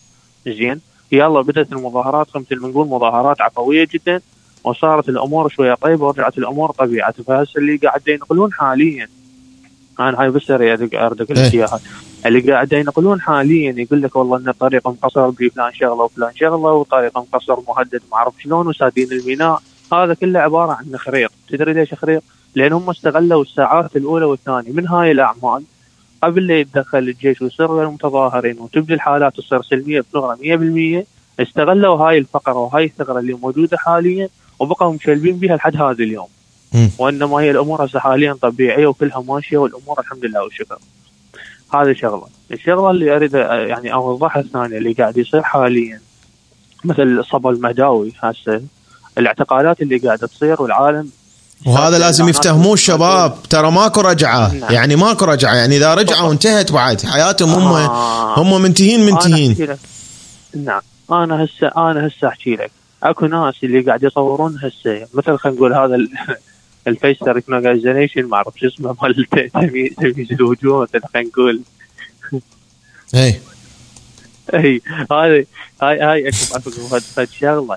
حاليا قاعد يشلبون بالصور مال مال الناشطين اللي موجودين. مثلا أنا الطبيبه الفلانيه وقاعد آه، أعالج ال- المرضى اللي موجودين هنا ما اعرف شنو اني وأني الناشط الفلاني واني المحامي الفلاني. بنقابة المحامين على العموم آه، حبيبي خلينا العراقيين نفتح المساحة خلينا نفتح المساحة للبقية. نعم، وهاي نعم، الرسالة نعم، بالضبط نعم، أنا نعم. واصلة للجميع أعتقد. الله إنه الله أنت الله نقاط الله مهمة الله جدا الله. حكيت بيها خلي الناس تعرف إنه نعم. حبيبي. يلا مع السلامة الله حبيبي. شكراً. جزيلاً، الله. يحفظك. حمودي باي عيون. عيون عيون الله يحفظك. الله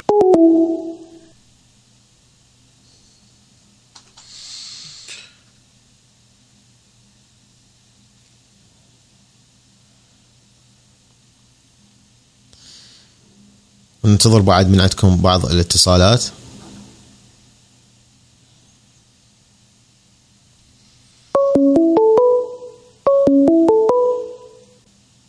ألو نعم. ألو. ويا اتصال من العراق. أهلا وسهلا حبيبي. أنس وياك؟ اثنيناتنا الله يخليك. منو أنا أهلا دكتور وسهلا. علي من كالجري. أخيرا حصلتكم أهلا أهلا وسهلا وسهلا دكتور علي. شلونك حبيبي؟ حبيبي حبيبي في يوم انت رقمك عراق هسه انت مين تتصل بينا اني اللي كنت ببغداد كنت راسلكم وجيت الكالجري قبل 20 يوم كالجري البرتا آه يعني في كندا. حاليا بكندا اي اي بالضبط. أه والله أنا حبيت. بس أه الله يخليكم وتشرفنا بيكم أنتم أبطال. وتاج على الرأس والله. الله أنا يخليك. كلش فرحان بهذا الجيل الجديد generation Z وحتى ال millennial generation اللي هو جيلنا الثمانينات همين اللي يشاركون بالثورة. وفخر هذا لنا يعني الفرحة لا تصدق. بس أنا أحب أشارك هذا الشيء وياكم لأنه ما كنا نتوقع في يوم ما إنه يصير التغيير. وفعلا التغيير ما يصير إلا من الشعب. لا أعتقد أم- صحيح أمريكا ممكن تدعم لما نشوف الشعب كله. بس إحنا ما كنا نتوقع انه هذا الشعب به هيك شجاعة وهيك بطولة وهيك تعاون وهيك روح حلوة. يعني آه هذا خلانا إحنا ننصدم ننصدم بفرحتنا لهم. زين. فهذا هذا اللي حبيت أوصله لا أكثر ولا أقل. وأول البارحة إحنا همينا طلعنا تظاهرة صغيرة بمدينة كالجري وحاولت أوصل المعلومات للمتظاهرين. يا ناس اتصلوا بالممثلين مال البرلمان مال منطقتكم بكندا ودزوا لهم الرسالة مثل ما الأمريكان سووا. طبعا نصيحتك هذه. أنا كررتها أو دزيت لكم وش كم صورة وش كم فيديو من الظاهره هناك. وحقيقه يعني أنا كل ما أشوف فيديو آه، يعني ما أتحمل. آه، عيني لازم تنزل منها دمعة لازم تغرغر لأنه إذا أحس أكو عراق جديد فعلا فعلا أنه ممكن يصير بي امل انه نعيش واحدة من أحسن الدول بالمستقبل. صح. شكرا جزيلا حبيبي لاتصالك العزيز. آه. كلنا كليتنا أيقظوا بينا حب الوطن الاعتزاز به طبعا أكيد تحياتنا لك. ما ما ما أعيد عليكم موضوع فانكوفر. أني آه، يعني يوميا أراسل أنا. أسأل. ولا يا معود شوكت توصل آه، العفو أراسل فيرو يعني آه. جديات أنا ما أعرف إذا أنتم اثنينكم حتروحون أو بس فيرو اي حبي. اثنيناتنا اثنيناتنا وهذا السيرفر هياته بالقاع أنا أنا أتصل بيك أنا أتصل بيك. أتصل بيك، من خليها مو من, عنني. ضي... من بدلت التليفون اللي لاصت الأرقام كلها. نعم. لا حقك إن شاء الله. عيني أنتم مشغولين أنا أعرف أتصل بيك. تليفونات كلش هواية عليكم وخصوصا هذا التليفون. ويعني أنا هسه من حظي إنه قدرت أحصلكم. لا والله يعني منورنا دكتور علي. اتمنى كثيره على ألو... على الواتساب حبيبي على الواتساب. بس مثلا تقول لي يومك العنوان اليوم تجون. حتى منا أسوي الحجز يلا نحكي وياك. نحكي وياك مو على البث لازم لازم. أشوفكم. تسلم أنا منه دكتور، الله يخليك. وحتى شكرا جزيلا. وإحنا نحبك. الله شاهد شكرا جزيلا الله دكتور الله يسلمكم نحبك ويحفظكم يا أبطال يا ورود. الله يخليك. يلا مع السلامة. ثانك يو دكتورنا مع السلامة. السلامة. الله.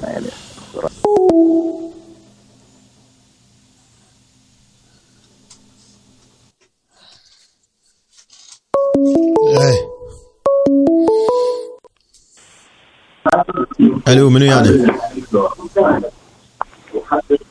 ألو. ألو؟ أهلا وسهلا. حبيبي أنا شلون بقلب الله يخليك على البث منو يعني الله يخليك. أنا علي من فنلندا. أهلا علاوي حبيبي الله يخليك. أه أنت تتطرق ال- الموضوع كلش مهم. أه أتوقع آه، يعني أكو شخص أه قبل كم يوم أه ظهر على قناة دجلة. أه شخص من المتظاهرين أه من ساحة التحرير. يتكلم بطريقة جدا أه حلوة و- وشخص هو خريج قانون واسمه حسين حسين حسين. أكو هوايد يحجون حكي حلو. المهم أنه لازم يتفقون على شخص يكون متحدث باسم ال- الثوار. نعم نعرف أه، أنه. عندهم هذول الشباب لعبة. يعني أكيد نعرف انهم وصلوا. آه، نعم هو هو الشخص لما تكلم تكلم ب بحرفية بالسياسة يعني. اللي كانوا موجودين هم اثنين برلمانيين. لازم أه، الكل يسوون. انتخابات انتخابات الثوار ويجتمعون على أنه لأنه لازم تصير له شرعية لهذا الشخص. لازم يقعدون بفد فد فد خيمة بال بال شو اسمه ويتفقون على فد شخص. نعم. آه أنا بالنسبة لي أنا بالنسبة لي أنا آه، يعني كشاب عراقي أرشح بأنه الأخوة الخريجين القانون اللي فاهمين بالدستور اللي اللي مطلعين ودارسين آه هاي ال- الأمور السياسية هم اللي اللي عليهم يتحركون بهاي بهذا السياق. بأي طريقة كانت المهم أن تكون يعني لأنه المك... الشغلة عاجلة جدا وطارئة أن يكون لهم صح. وأن يكون معترف بها وأن يكون مشتركين بها ناس من كل المحافظات حتى المحافظات اللي هسه ما طالعة مظاهرات ولكن هي طلعت قبل حتى نقول إنه هاي فد هيئة دا تحكي باسم المظاهرات. هاي الهيئة بساحة التحرير موجود مقرها نتمناه التحرير. لا هي مو نتمناه هي لو هيجي لو انتهت. هاي كل الدم وهذا كله راح كله راح. لا هو إن شاء إن شاء الله إن شاء الله إحنا نقول آه، ما يروح هذا الشيء بس بس علينا شلون ما يروح؟ شلون ما. يروح؟ هي شلون شلون ما يروح؟ الناس ما عندهم عملهم وشغلهم. يتحركون. إيه من هم اللي يتحرك؟ ما هم هسه الحكومة الحكومة دا تقول للمجتمع الدولي إنه أنا اريد استقيل، عادل عبد المهدي يقول اريد استقيل، بس منو؟ وين الخطة؟ غير أكو خطة حتى البلد ما يضيع مع إنه هو البلد ضايع، إحنا ندري بيه البلد ضايع. والبلد ضايع صار له 16 سنة وماكو أسوأ من هذه الحالة. اللي وصل بيها البلد ولكن حجه هاي إنه أنا ما أقدر أطلع لأنه إلا أسلم بيد. ولهذا منو اللي حيلفلفها؟ حيلفلفها مقتدى الصدر الشتي شتي هو على رأسه والشتي شتي مال آه، آه، هادي العامري.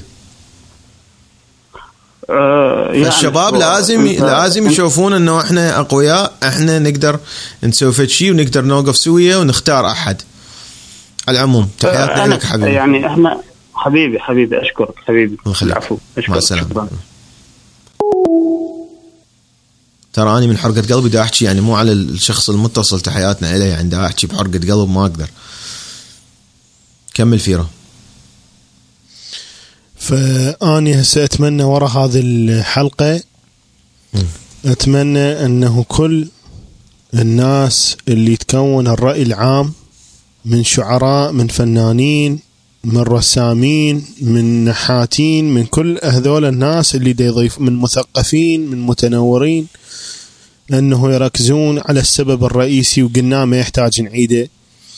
ولا تركزون على النتائج. النتائج كلتنا نعرفها. وهاي النتائج يعني معروفة. يعني لا تتوقع شيء إيجابي من ناس زبالة. لا تتوقع شيء إيجابي من واحد إرهابي.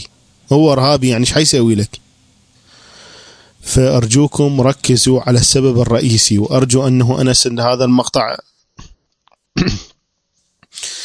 بس أنا عندي لازم أروح يعني.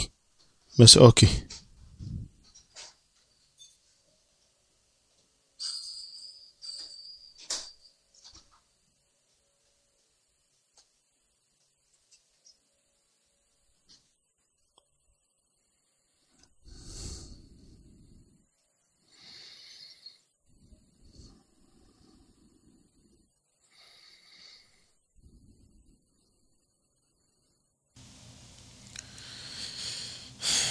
اوف على اللي يصير بالعراق.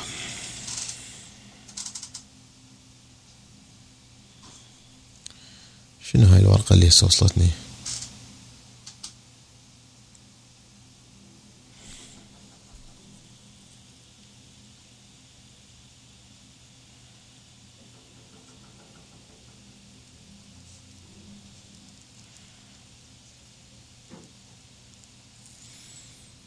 هاي.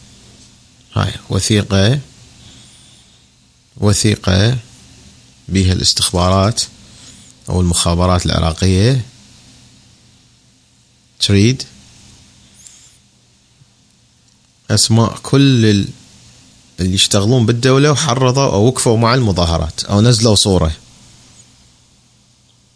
حتى يلموهم حتى يطلعون يقولون إصلاحات.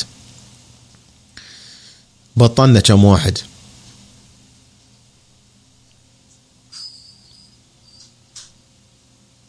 هذا اللي دي يصير عندنا صديق إنه يقول أنتوا ليش تقولون الاسلام السياسي فإذا أريد أتصل به يقول شنو تقولون الاسلام السياسي ما أعرف اعتراضه على شنو خلنا نفتهم.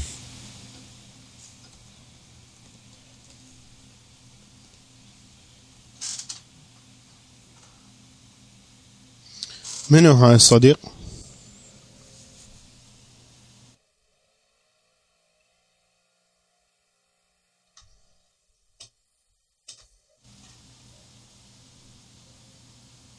يدوق لا شنو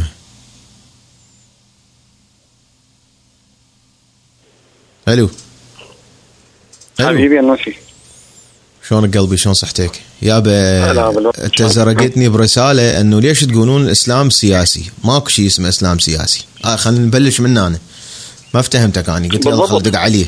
بالضبط بالضبط لعد شنو؟ لعد- ماكو. إسلام سياسي لعد شنو لعد هو منو مطيح حظنا هي؟ مو هاي المشكلة الرئيسية؟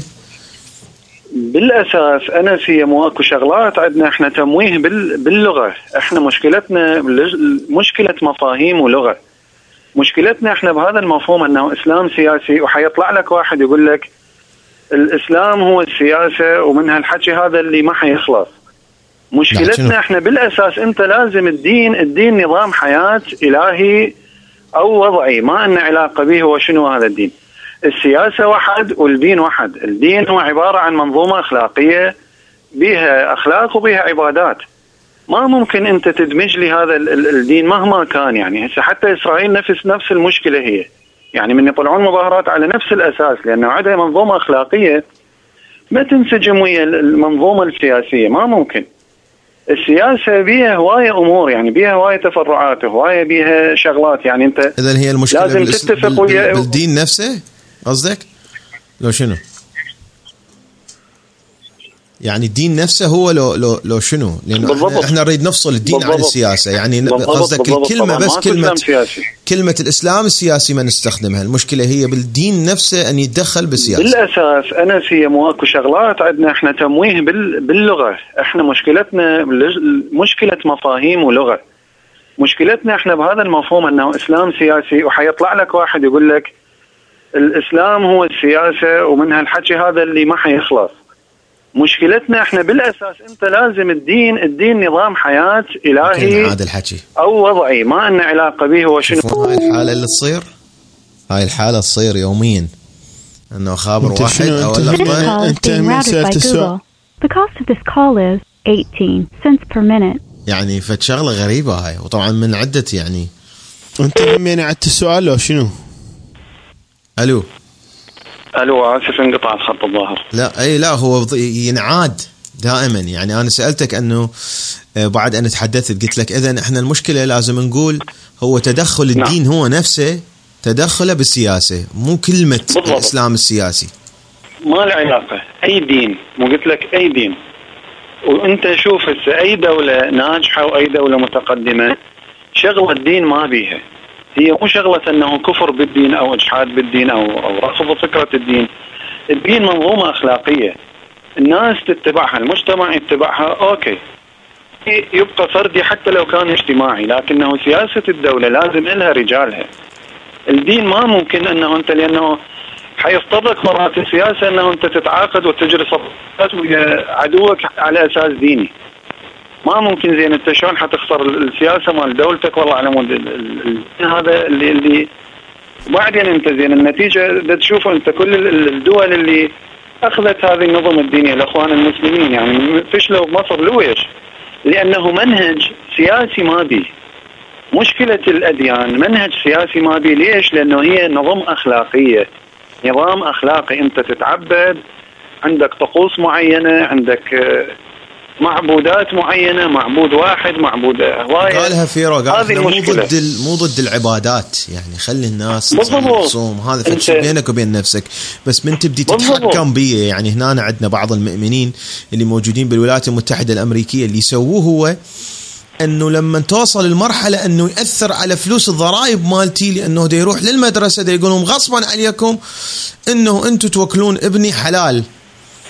زين انت هذا بالضبط. شخصي بينك وبين. ربك معناها كل الأطفال البقية اللي ياكلون بالمس بالمدرسة ياكلون حرام وانت بس ابنك حلال لا. وبعدين يجي يقول أنا أريد المسبح توقفوه تسدوه ساعتين يصير بس نسائي لما يبدي يأثر على القوانين العامة العبادات مالته إنه هو يوقف يطلع سجاده ويوقف بنص الشارع على ال highway واقف على صفحة مو مشكلة أوكي إنه هو يجوز يندعم هاي بعد هو بيمه ويم ربه هو ربه إذا راد ما يندعم هو حر بنفسه بس هو من حر. ياثر على القوانين لما يستعمل شريعته في التشريع شلون حنسوي قوانين؟ هاي هنا اللاس زين هذه- استاذنا, هذه أستاذنا بالضبط. العزيز أستاذنا العزيز أنت مدى تلاحظ؟ إنه الرسامين والشعراء والفنانين والمثقفين كليتهم يركزون على النتيجة بس ما حد يركز على السبب السبب اللي هو, هو الدين. مشكلتنا مشكلتنا يعني عملية حتى.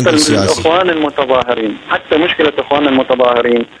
أنت المفروض عندك خلينا نقول ناخذها دائما أنت ال- ال- الحكومة والدولة أخذها ببيت. صغر النموذج هذا الكبير ببيت.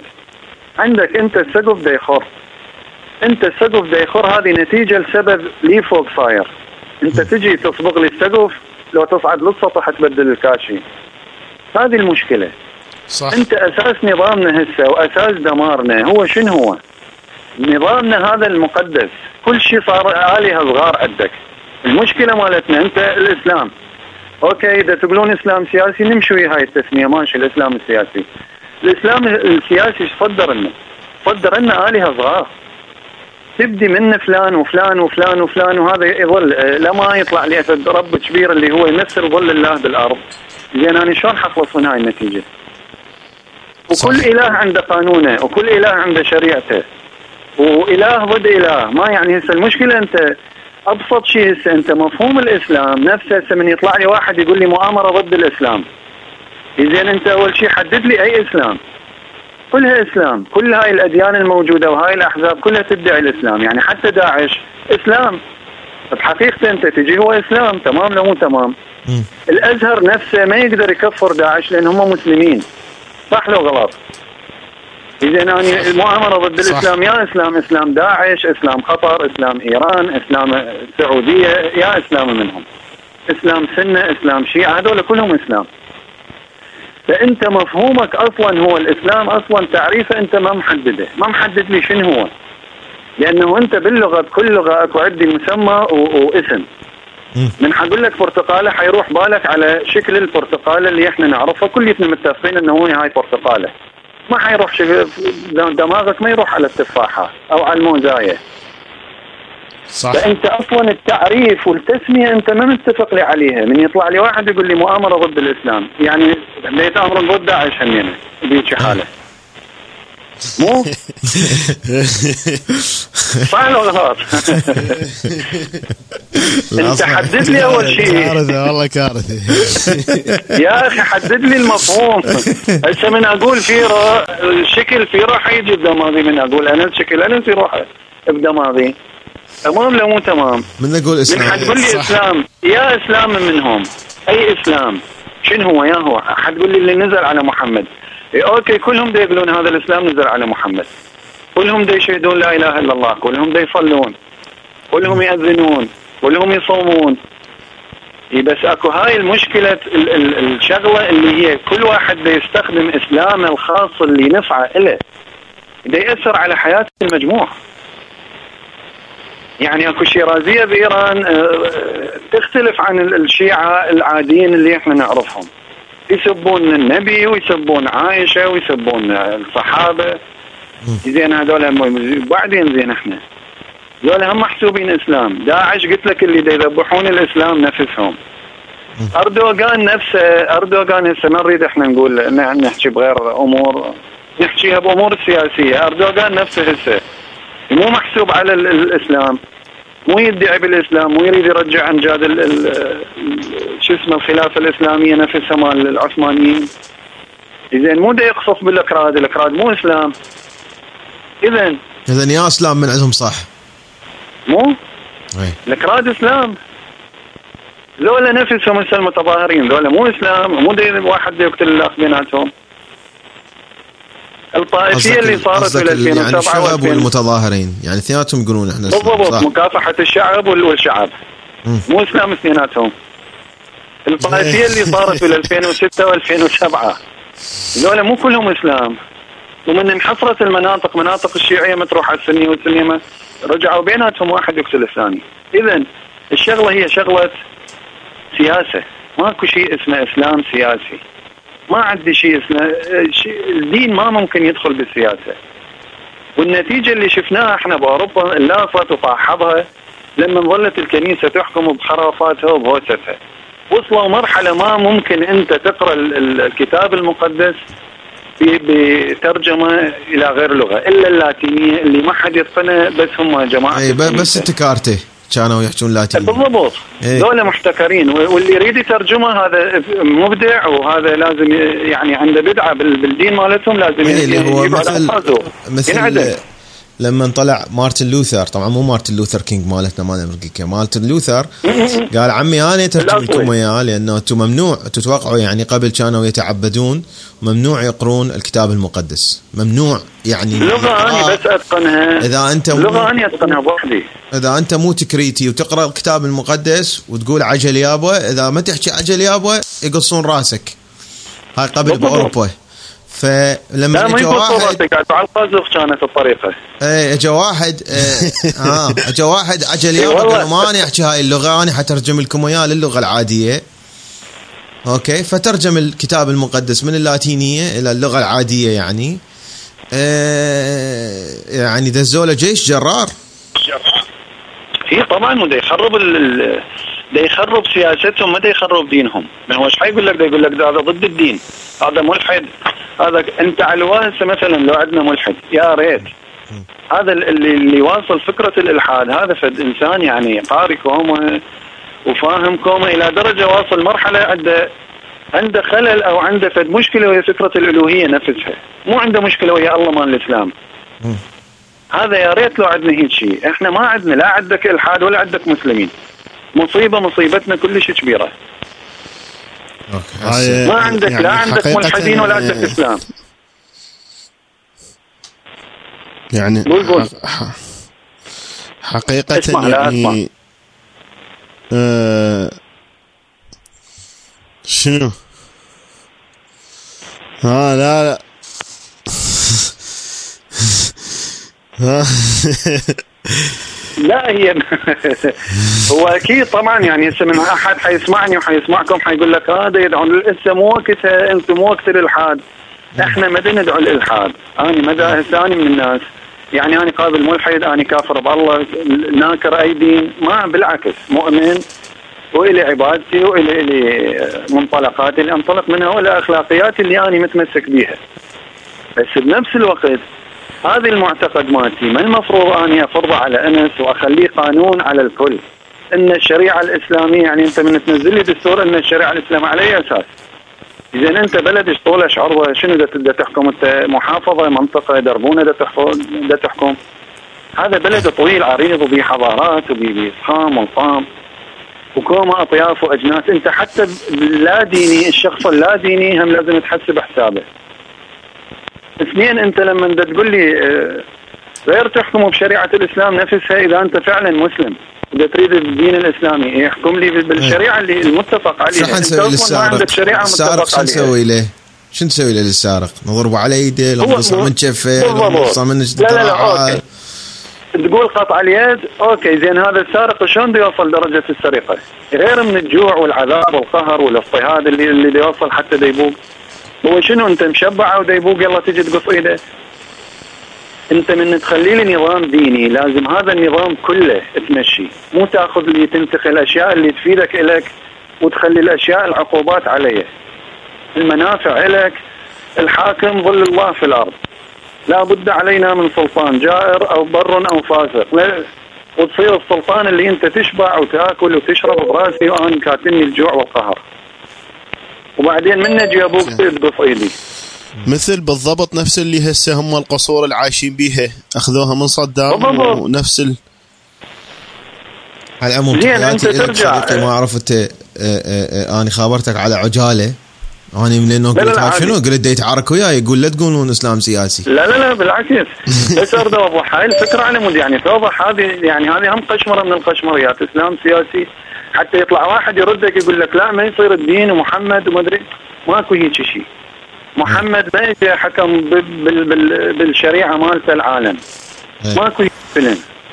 ليش عاد بقوا مسيحيين وبقوا يهود.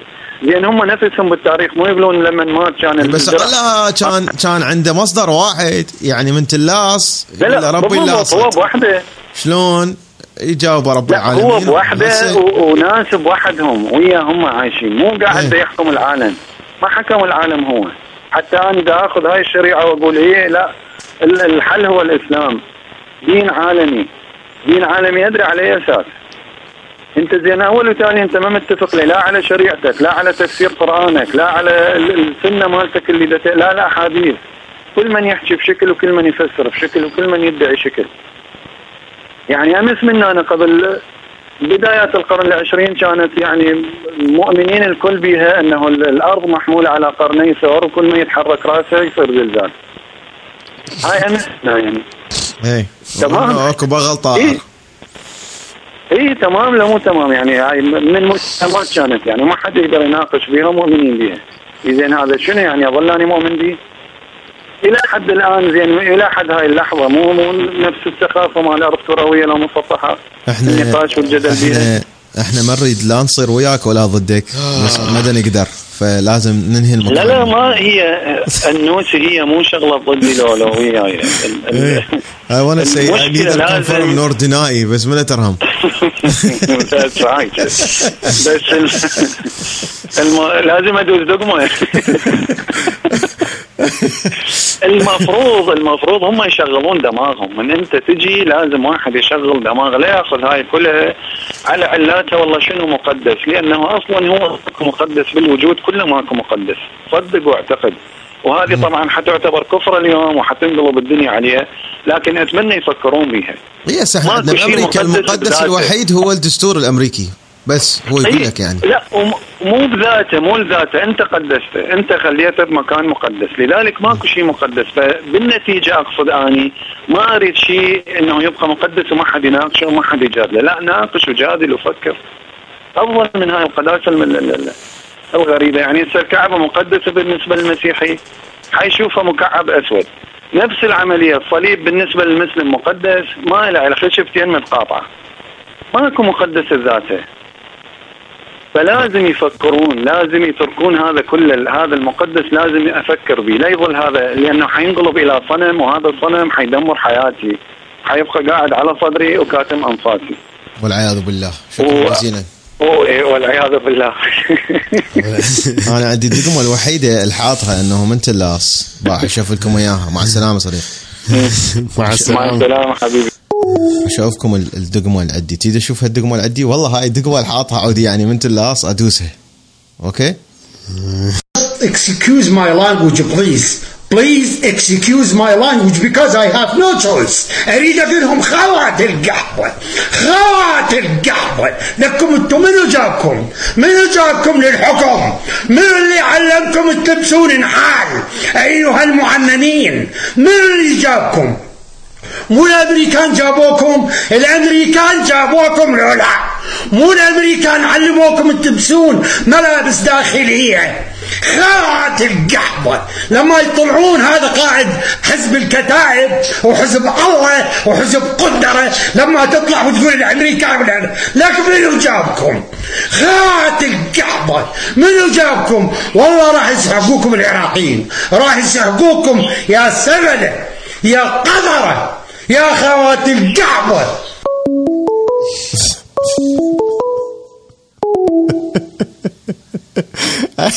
هاي الدقمة رقم أربعة عندي من تلاص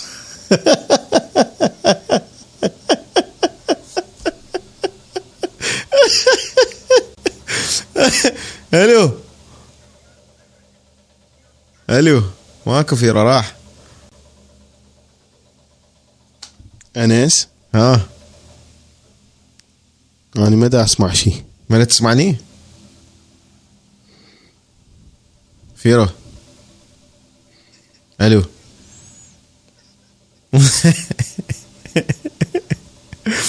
آخ.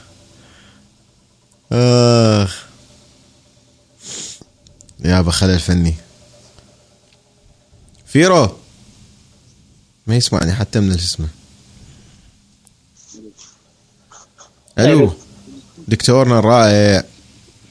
ألو ناس. بخير خلينا نص صوت الكمبيوتر حتى ما يأثر على ال شو اسمه على الصوت فيكم. شو صوتي واضح وياك؟ أنا ما دا أسمع شيء ترى. بس لحظة.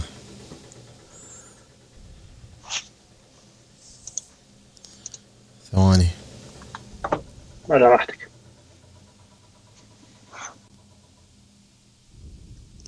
ألو. نعم. تسمعني لو لا؟ آه اني أسمعك بس ثواني. اريد فيرو يسمعك. فيرو. فيرو. ال FaceTime حطه على ال Scarlett دكتورنا العزيز دكتور زمن الخفاف ويانا من آه المم- المملكة المتحدة. شلونك عيني؟ رضا الله يسلمك. شلونك يعني أنا شلونك فيرو؟ ما أدري بعد. تسمعني لو لا إذا ما تسمعني هسه توصل لك شلونك بعدين؟ اي هسه توصل له يعني هي كلش صعب إنه واحد يتحدث وراء هذا الكلام الرائع اللي قاله الأخ المتصل السابق صراحة ونحزن يعني إنه ما نقدر نقول اسمه.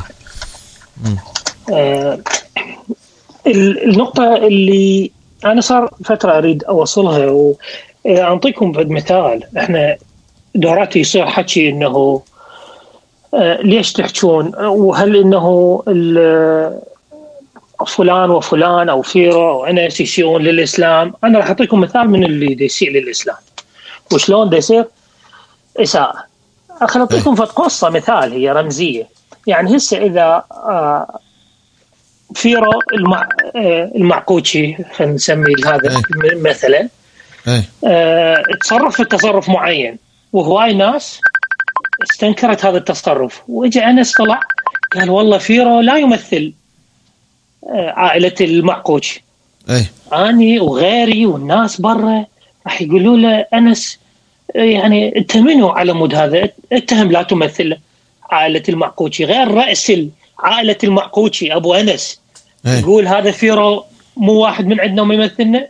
إيه. زين نجي نطبق هذا المثال على الوضع السياسي. الأحزاب اللي لازمة السلطة كلها تدعي بالإسلام. الحزب الدعوة الإسلامي ال- ال- كل ال- على جانبيها السني والشيعي. هل طلع رأس ما يمثل رأس السلطة الإسلامية سواء بالجانب الشيعي من ناحية السني. المرجعية أو من الجانب السني. هل طلع واحد من عندهم قال هذول حاطين اسم الإسلام ولكن ما يمثلون اتجاهنا ما يمثلون رأينا بالإسلام؟ هل طلعت المرجعية بيان قالت يابا دولة إحنا ما عندنا سلطة نخليهم يشيلون الاسم ولكن إحنا كقادة للمذهب الفلاني لأنهم ما يقدرون يقولون إحنا قادة للدين الفلاني. إحنا كقادة للمذهب الفلاني هذا ما يمثل رؤيتنا للإسلام. صار هيك شيء مو هو من اللي دا يحكي؟ من تجي الواحد بالشارع تقول له يابا هذا حزب الدعوة الإسلامي دا يتصرف؟ يقول لك والله هذا لا يمثل الإسلام. وانت منو حتى تقرر هذا الرأي؟ إذا هو المؤثر بالشارع ورأس ال- التأثير بالشارع المرجعية المرجعيات الشيعة ومرجعيات السنة. ما حد بهم قال هذول لا يمثلون رؤيتنا للإسلام. بس هاي مسؤولية. يعني هسه لما يطلع وزير ببريطانيا يحكي حكي ما يتفق ويا رئيس الوزراء. رئيس الوزراء اولا يفصله. وإذا حكي إيه. اسمه؟ يطلع يقول هذا ما يمثل الحكومة البريطانية وهذا ما يمثلنا. هل صارت هيك حركة؟ هاي الحركة ممكنة لو لا؟ بالإضافة إلى أنه هذا هاي النقطة الأولى يعني اللي أنا أشوفها كلش مهمة يعني فلذلك أنا ما اخلهم من المسؤولية، ناس تقول والله هي الناس ال- ال- المرجعية قالت المجرب لا يجرب إي وهيك كلام مبهم. آه، يعني شنو هذا لا يخلو من المسؤوليه، انت عندك مسؤوليه قيادة. أنت تقول أنا قود هذه الجموع وأكو ناس تتبعك سواء أنت مؤهل ما مؤهل هذا مو مو موضوعي. بس موضوعي إيه. إنه عليك مسؤولية. أما إنه تخرج تعري هذولا وتقول ذولا ما يوافقون ما يمثلون نظرتنا لل- للإسلام أو إنه أنت ساكت. إذا أنت ما مشترك وياهم فأنت غاض النظر. وهذا في شيء مو كافي يعني. هذا في شيء مو كافي. أنا هسه وأنا تجيك الحالة تجيك فيديو والمشكلة بس المشكلة هو إيه. حتى لو طلع حيجي واحد يقول هذا ما يمثلنا يعني يطلع الشيعي الرأس الشيعي حيطلع يقول هذا ما يمثلنا السني حيقول ما يمثلنا والسني ما يخالف. مرجعية بس لما يعني تطلع من مرجعية النجف هذول القاعدة الأكبر.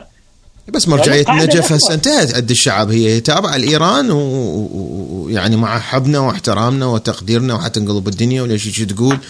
ولكن افعال أفعال المرجعية أفعال ماكو على أرض الواقع. أفعال ماكو على أرض الواقع. الواقع؟ أفعال ماكو على أرض الواقع. أنا أكو فد إحدى الأخوات نشرت قبل فترة آه، بوست على الفيسبوك كلش حلو.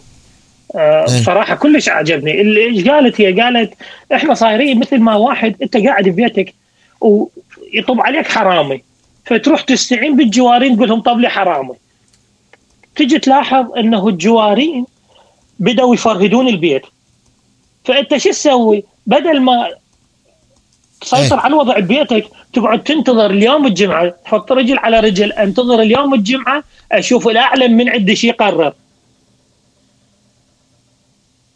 ولحد الآن هي ما واقفة مع المتظاهرين. المرجعية ما واقفة مع المتظاهرين ماكو كلام يعني هاي. مال يحطون هو- بكربلاء مثلا قطعة طابعيها ويقولون إنه إحنا المرجعية ضد الفساد.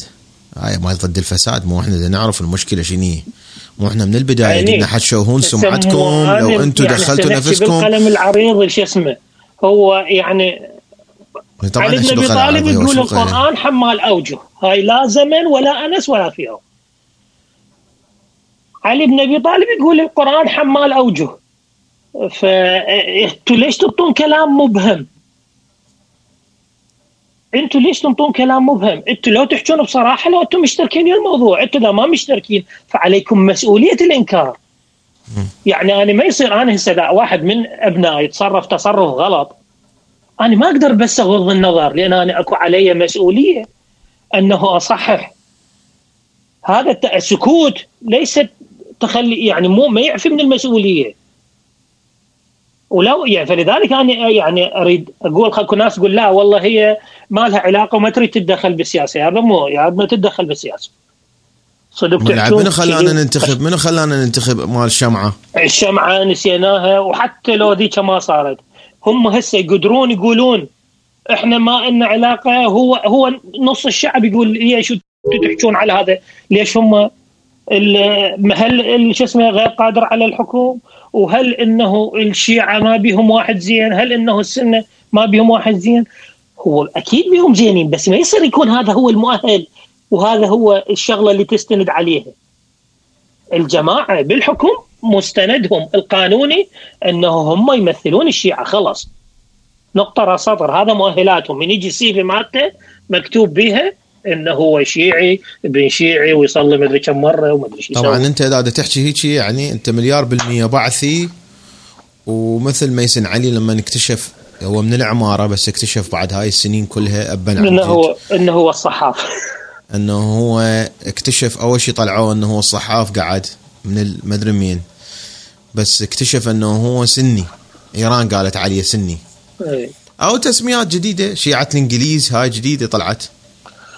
اي اي عادي عادي. هو شو اسمه آه يعني هو إحنا هنا أنا موجود انس ويجينا الحكي أنا يتوجه لي سؤال ها بعدك ويا المظاهرات؟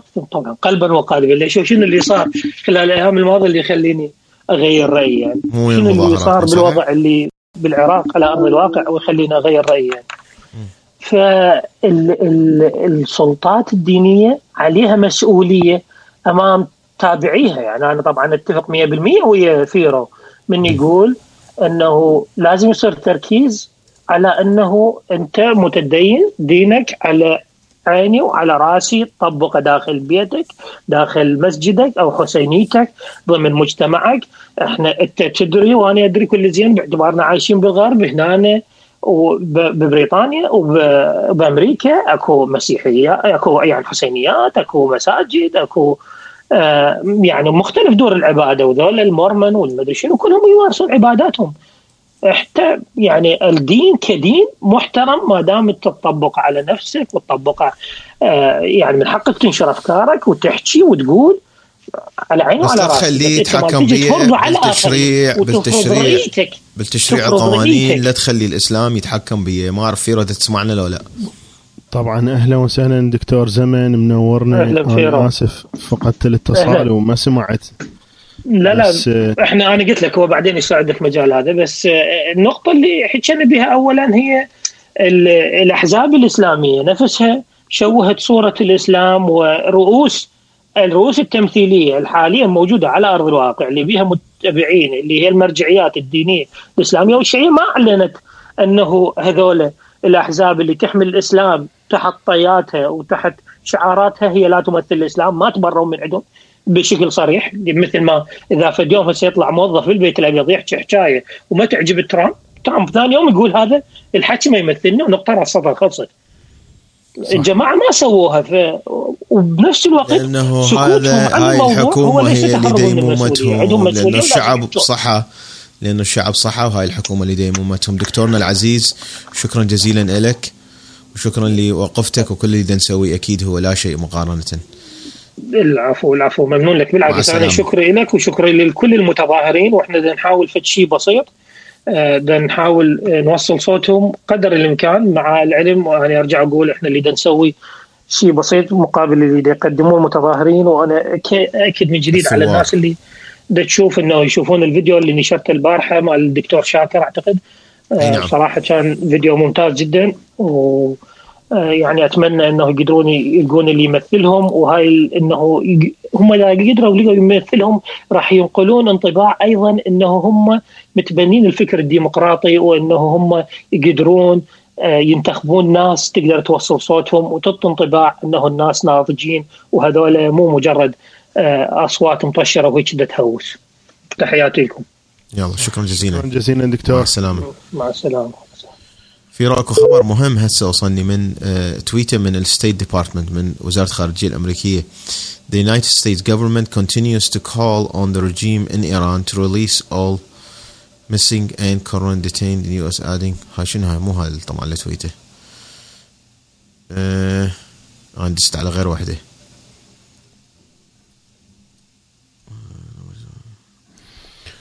Looks like the State Department. لا هاي التويتر افتهمتها غلط. على العموم. آه فيرو شكرا جزيلا. شكرا أحبائي. جزيلا لكل المتابعين أحبكم. آه، إيش قد إيش وقت يعني اعطينا وقت ثابت للبث. إيش وقت تريده يصير؟ أنا باكر جايك. تباكر يمي إن شاء الله. يلا مع السلامة.